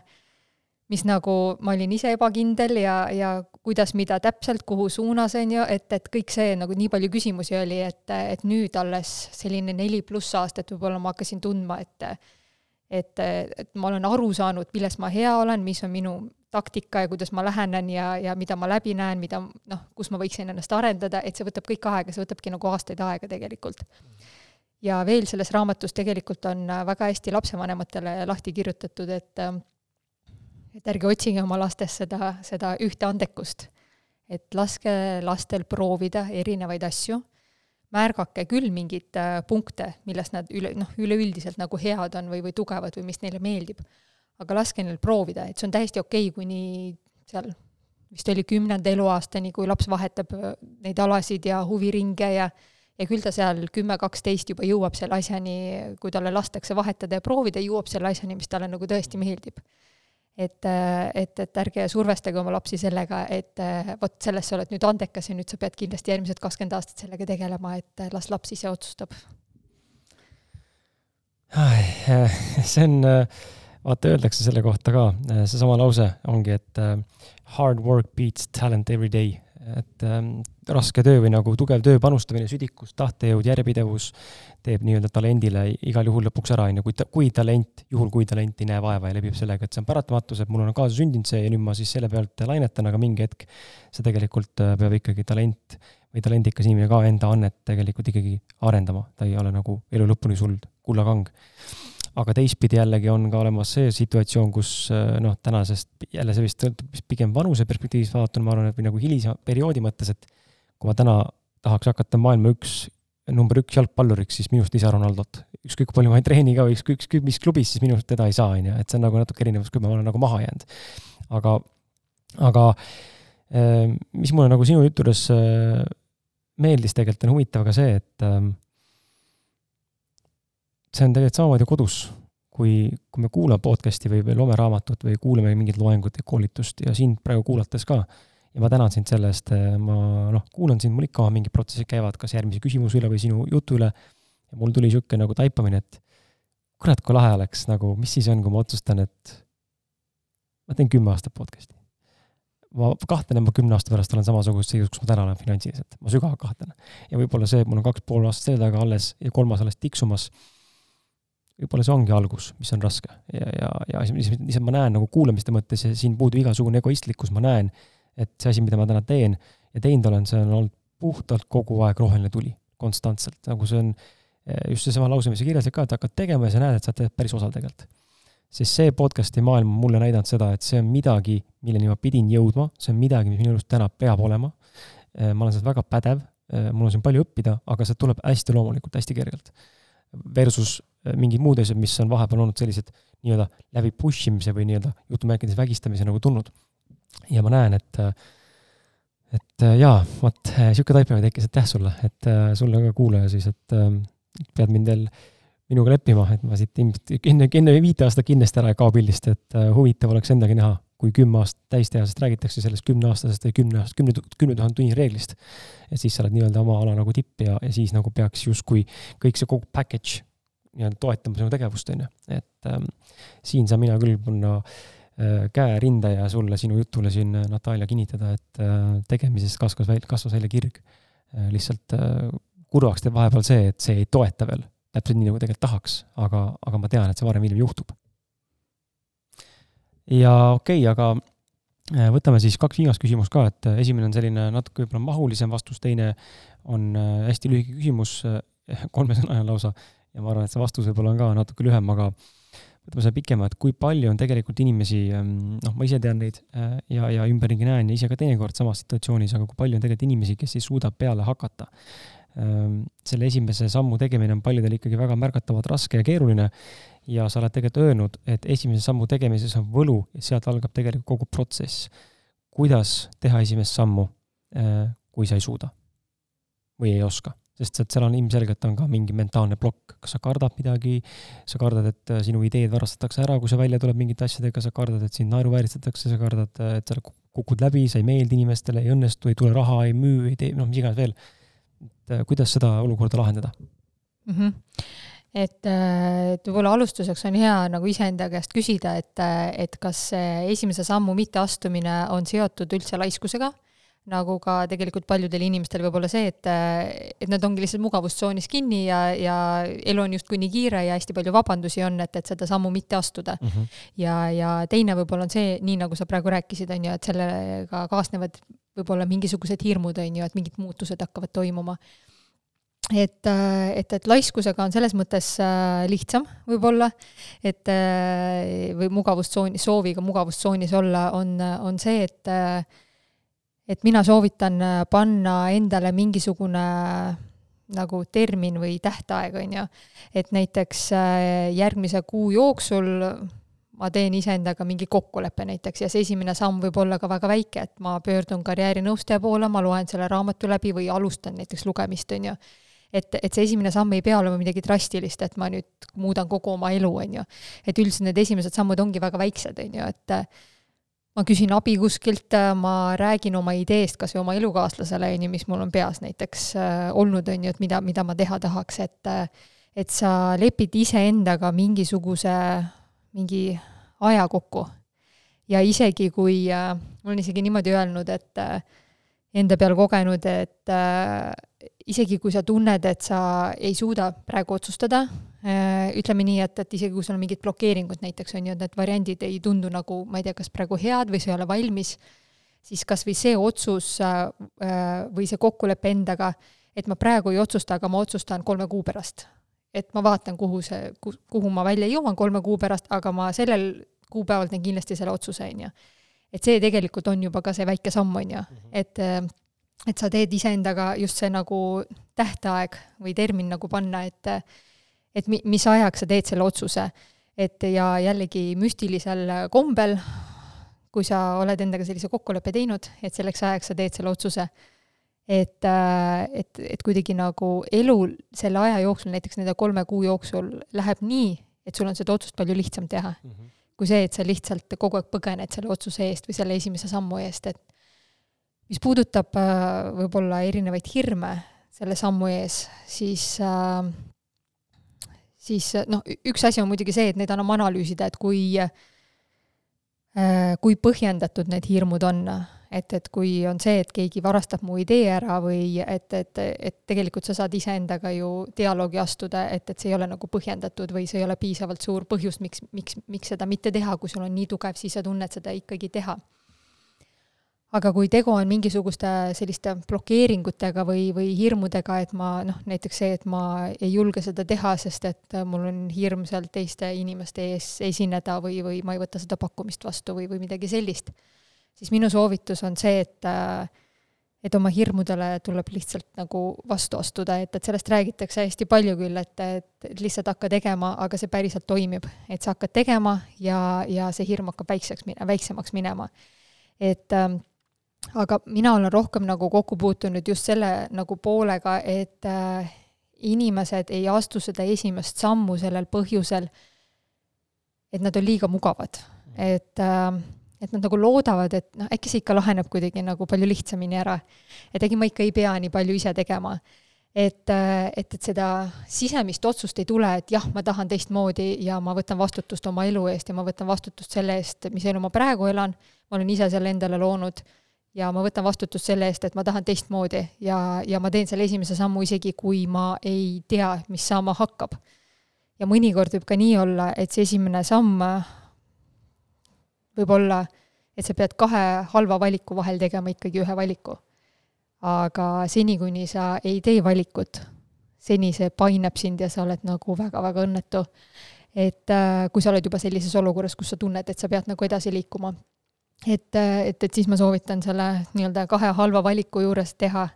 võimalikult parima valiku selles mõttes, et, et, et see võib-olla hetkel on see halb valik, aga ta viib sind nagu kaugemale kui see teine valik, on ju, et, et see on puhtalt selline tunnetamise küsimus. väga hea põhjalik vastus, et ma ise olen seda äh, kahe valiku variandi asja nagu tunnetanud ja katsetanud ja, ja Andrus vana spirituaalne õpetaja oli see, kes andiski mulle selle nii-öelda väikse nagu sellise äh, noh, tööriista, millega selle tööriista sees äh, ennast paremini mõtestada, et kui mõlemad on halvad, siis marineeri ennast nii kaua nendes kahes halvas, kuni üks hakkab selgelt eristuma, et ta on natukene parem ja siis tee see otsus. ja tegelikult, kui ma kohe küsisin, kumb on parem, siis ma sain kohe vastuse. ja, ja kui ma ära tegin, siis hakkas kergem, et äh, väga äge. Äh, võtan viimase küsimuse, kuidas hoiduda läbipõlemisest läbipõlemisega eh, võtaks ka siia võib-olla juurde kaks suunda, et üks suund on see, et kui sa põled läbi näiteks palgatööl olles või sa põled läbi oma asja tehes, on ju, et nad võib-olla natukene on erinevad. et äh, palgatööl olles äh, läbipõlemine on minu meelest seotud hästi palju sellega, et kui sa pead ennast suruma kuskile, kuhu sa tegelikult ei sobitu et äh, või sa pead tegema selles tempos asju, mis sulle tegelikult ei sobi, et, et sa lähed hästi palju vastuollu iseendaga. et äh, seda kiiremini toimub see läbipõlemine. või siis äh, sa proovid endast anda ja tõestada midagi, mida tegelikult sa ei peaks nagu väljapoole tõestama, vaid äh, sa pead nagu iseenda väärtust teadma ka nii-öelda ilma selle tõestamiseta et äh, palgatöö puhul võib-olla on hästi tähtis äh, ei ütlemise kunst ja oma piiride tajumine, mida inimesed väga vähe julgevad teha palgatöö puhul, et äh, müstiliselt vähe, isegi kui meil veel majandus õitses ja minu meelest oli igalühel mingi kolm tööpakkumist kogu aeg laual, siis inimesel tekib mingisugune ta kuidagi samastub ennast selle ettevõttega, kus ta töötab ja selle kollektiiviga ja kohe, kui ta ei käitu nende reeglite järgi, siis äh, tekib mingi hirm, et mind tõrjutakse välja ja ma ei ole sotsiaalselt aktsepteeritud ja, ja ja kuidagi, kuigi inimene võib nagu mõista, et, et ma olengi teistmoodi või ma vajan teistmoodi asju, aga ei julgeta seda nagu välja öelda. ja, ja huvitav on see, et, et kui seda lõpuks välja öelda, siis ongi kaks varianti, et äh, kas tööandja nagu saab aru sellest, saab sinu väärtusest aru ja tuleb sulle vastu, ehk siis sa hakkad ennast paremini tundma või siis äh, tööandja ja ka sina saad aru, et te tegelikult ei klapi omavahel ja tegelikult see ei pea seal olema, et, et seal ei saa see halvasti lõppeda mm. -hmm. et äh, mis puudutab äh, oma asja tehes nii-öelda seda läbipõlemist, mida ma olen ka näinud, et äh, inimesed äh, võtavad, hakkavad hingega midagi tegema ja teevad seda nagu nii palju, et tegelikult kulutavad ennast meeletult ära. Et äh, seal on minu meelest äh, see tasakaalu küsimus, et, et kui palju ma teen selle jaoks, et et teisi aidata, teistele midagi anda, nii-öelda võib-olla ka midagi tõesta, tõestada jällegi, kas iseendale või siis teistele inimestele, et ma olen hea, piisav, ma teen ägedat asja, ma teen erinevaid asju, ja, ja, ja kust see minu enda piir läheb, et kui palju ma tegelikult teha tahaks, on ju. Kui mul oleks, ma ei tea, kogu see mu kuulajate tunnustus näiteks juba niikuinii olemas, kui palju ma siis teeksin, on ju. või kui palju ma siis pööraksin oma, ma ei tea, perele tähelepanu ja, ja ja iseendale, iseenda vabale ajale, et sealt nagu on, on see, et me tahame nagu hästi kiiresti hästi palju nagu saada, on ju, kui me nagu seda oma asja teeme. et seal on väga tähtis ka samuti need piirid seada, et kuhu maani ma teen tööd siis või seda eneseteostust ja kust maalt on minu pereaeg, kus maal on see minu enda aeg, et mitte nagu ära kaduda sinna, ära sukelduda, sest et eriti oma asja tehes võib ju täiesti ära kaduda, sest et nii palju ägedaid ideid, nagu sa ennem ütlesid, on ju, mida kõike võiks teha ja et, et see läbipõlemine on selline minu meelest on see päris ohtlik faktor, et, et kui inimene põletab ennast läbi, siis võib ka see olukord tekkida ju ka nii-öelda meditsiiniliselt, kus inimene hakkabki depressiooni langema ja, ja tegelikult ta lõpuks ei tahagi seda teha, kuigi see ongi võib-olla tema rada ja ta peaks seda tegema, aga ta suudab ennast nii ülekülluses, selle, selles, selles energia sees nagu läbi põletada, et, et, et lõpuks ei ole temast nagu seal heas kohas asja, kus ta tegelikult sobib. aitäh sulle!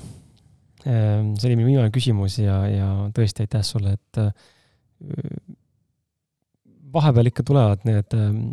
need mõtted ja tunded, tunded nagu sisse ja, ja ma pean ütlema, et see oli üle pika aja jälle üks,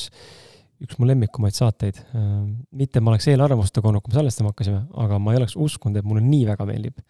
Äh, ja ma pean tunnistama, väga meeldis, et ma tõesti loodan, et kuulaja, kes siin peaaegu et kaks tundi vastu pidas,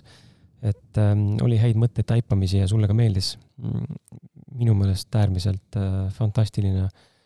fantastiline kuulamine ja, ja sa oled fantastiline inimene ja väga äge on näha, et sa jagad äh, enda teadmisi hoopis teistsuguse nagu nurga alt, justkui tavaliselt äh, tava, tavamaailma nagu vaadates karjäärinõustaja, aga hoopis teistsuguse sellise sügavama sisekaemusega nurga alt ja ma arvan, et see ongi see nišš, mis on palju ägedam kui lihtsalt karjäärinõustaja, mitte et nad kehvemad oleks, aga igal inimesel oma, mulle sobiks just sina rohkem. ja, ja ma arvan, meie kuulajatele samamoodi. et ma tänan sind, räägi meie kuulajatele, kus sind leida võib no kõige lihtsam on mind leida võib-olla läbi kodulehe sammedasi.ee. et äh, ja nagu sa juba mainisid, et äh, kuna ma olen lapseootel, siis äh, siis on hetkel seis minuga selline, et circa pooleks aastaks ma võtan praegu aja maha, aga küll on ma olen seda ette näinud ja, ja see koroona on mind natukene mugavustsoonist välja viinud äh, heas mõttes, et ma olen äh, loonud äh, sellise e-koolituse, kus kogu see protsess, mis ma tegelikult inimesega teen läbi kolme kuni viie kohtumisega, on mul e-koolituse raames ja kõikide nende harjutuste raames ilusti nagu olemas pakendatud. et, et see peaks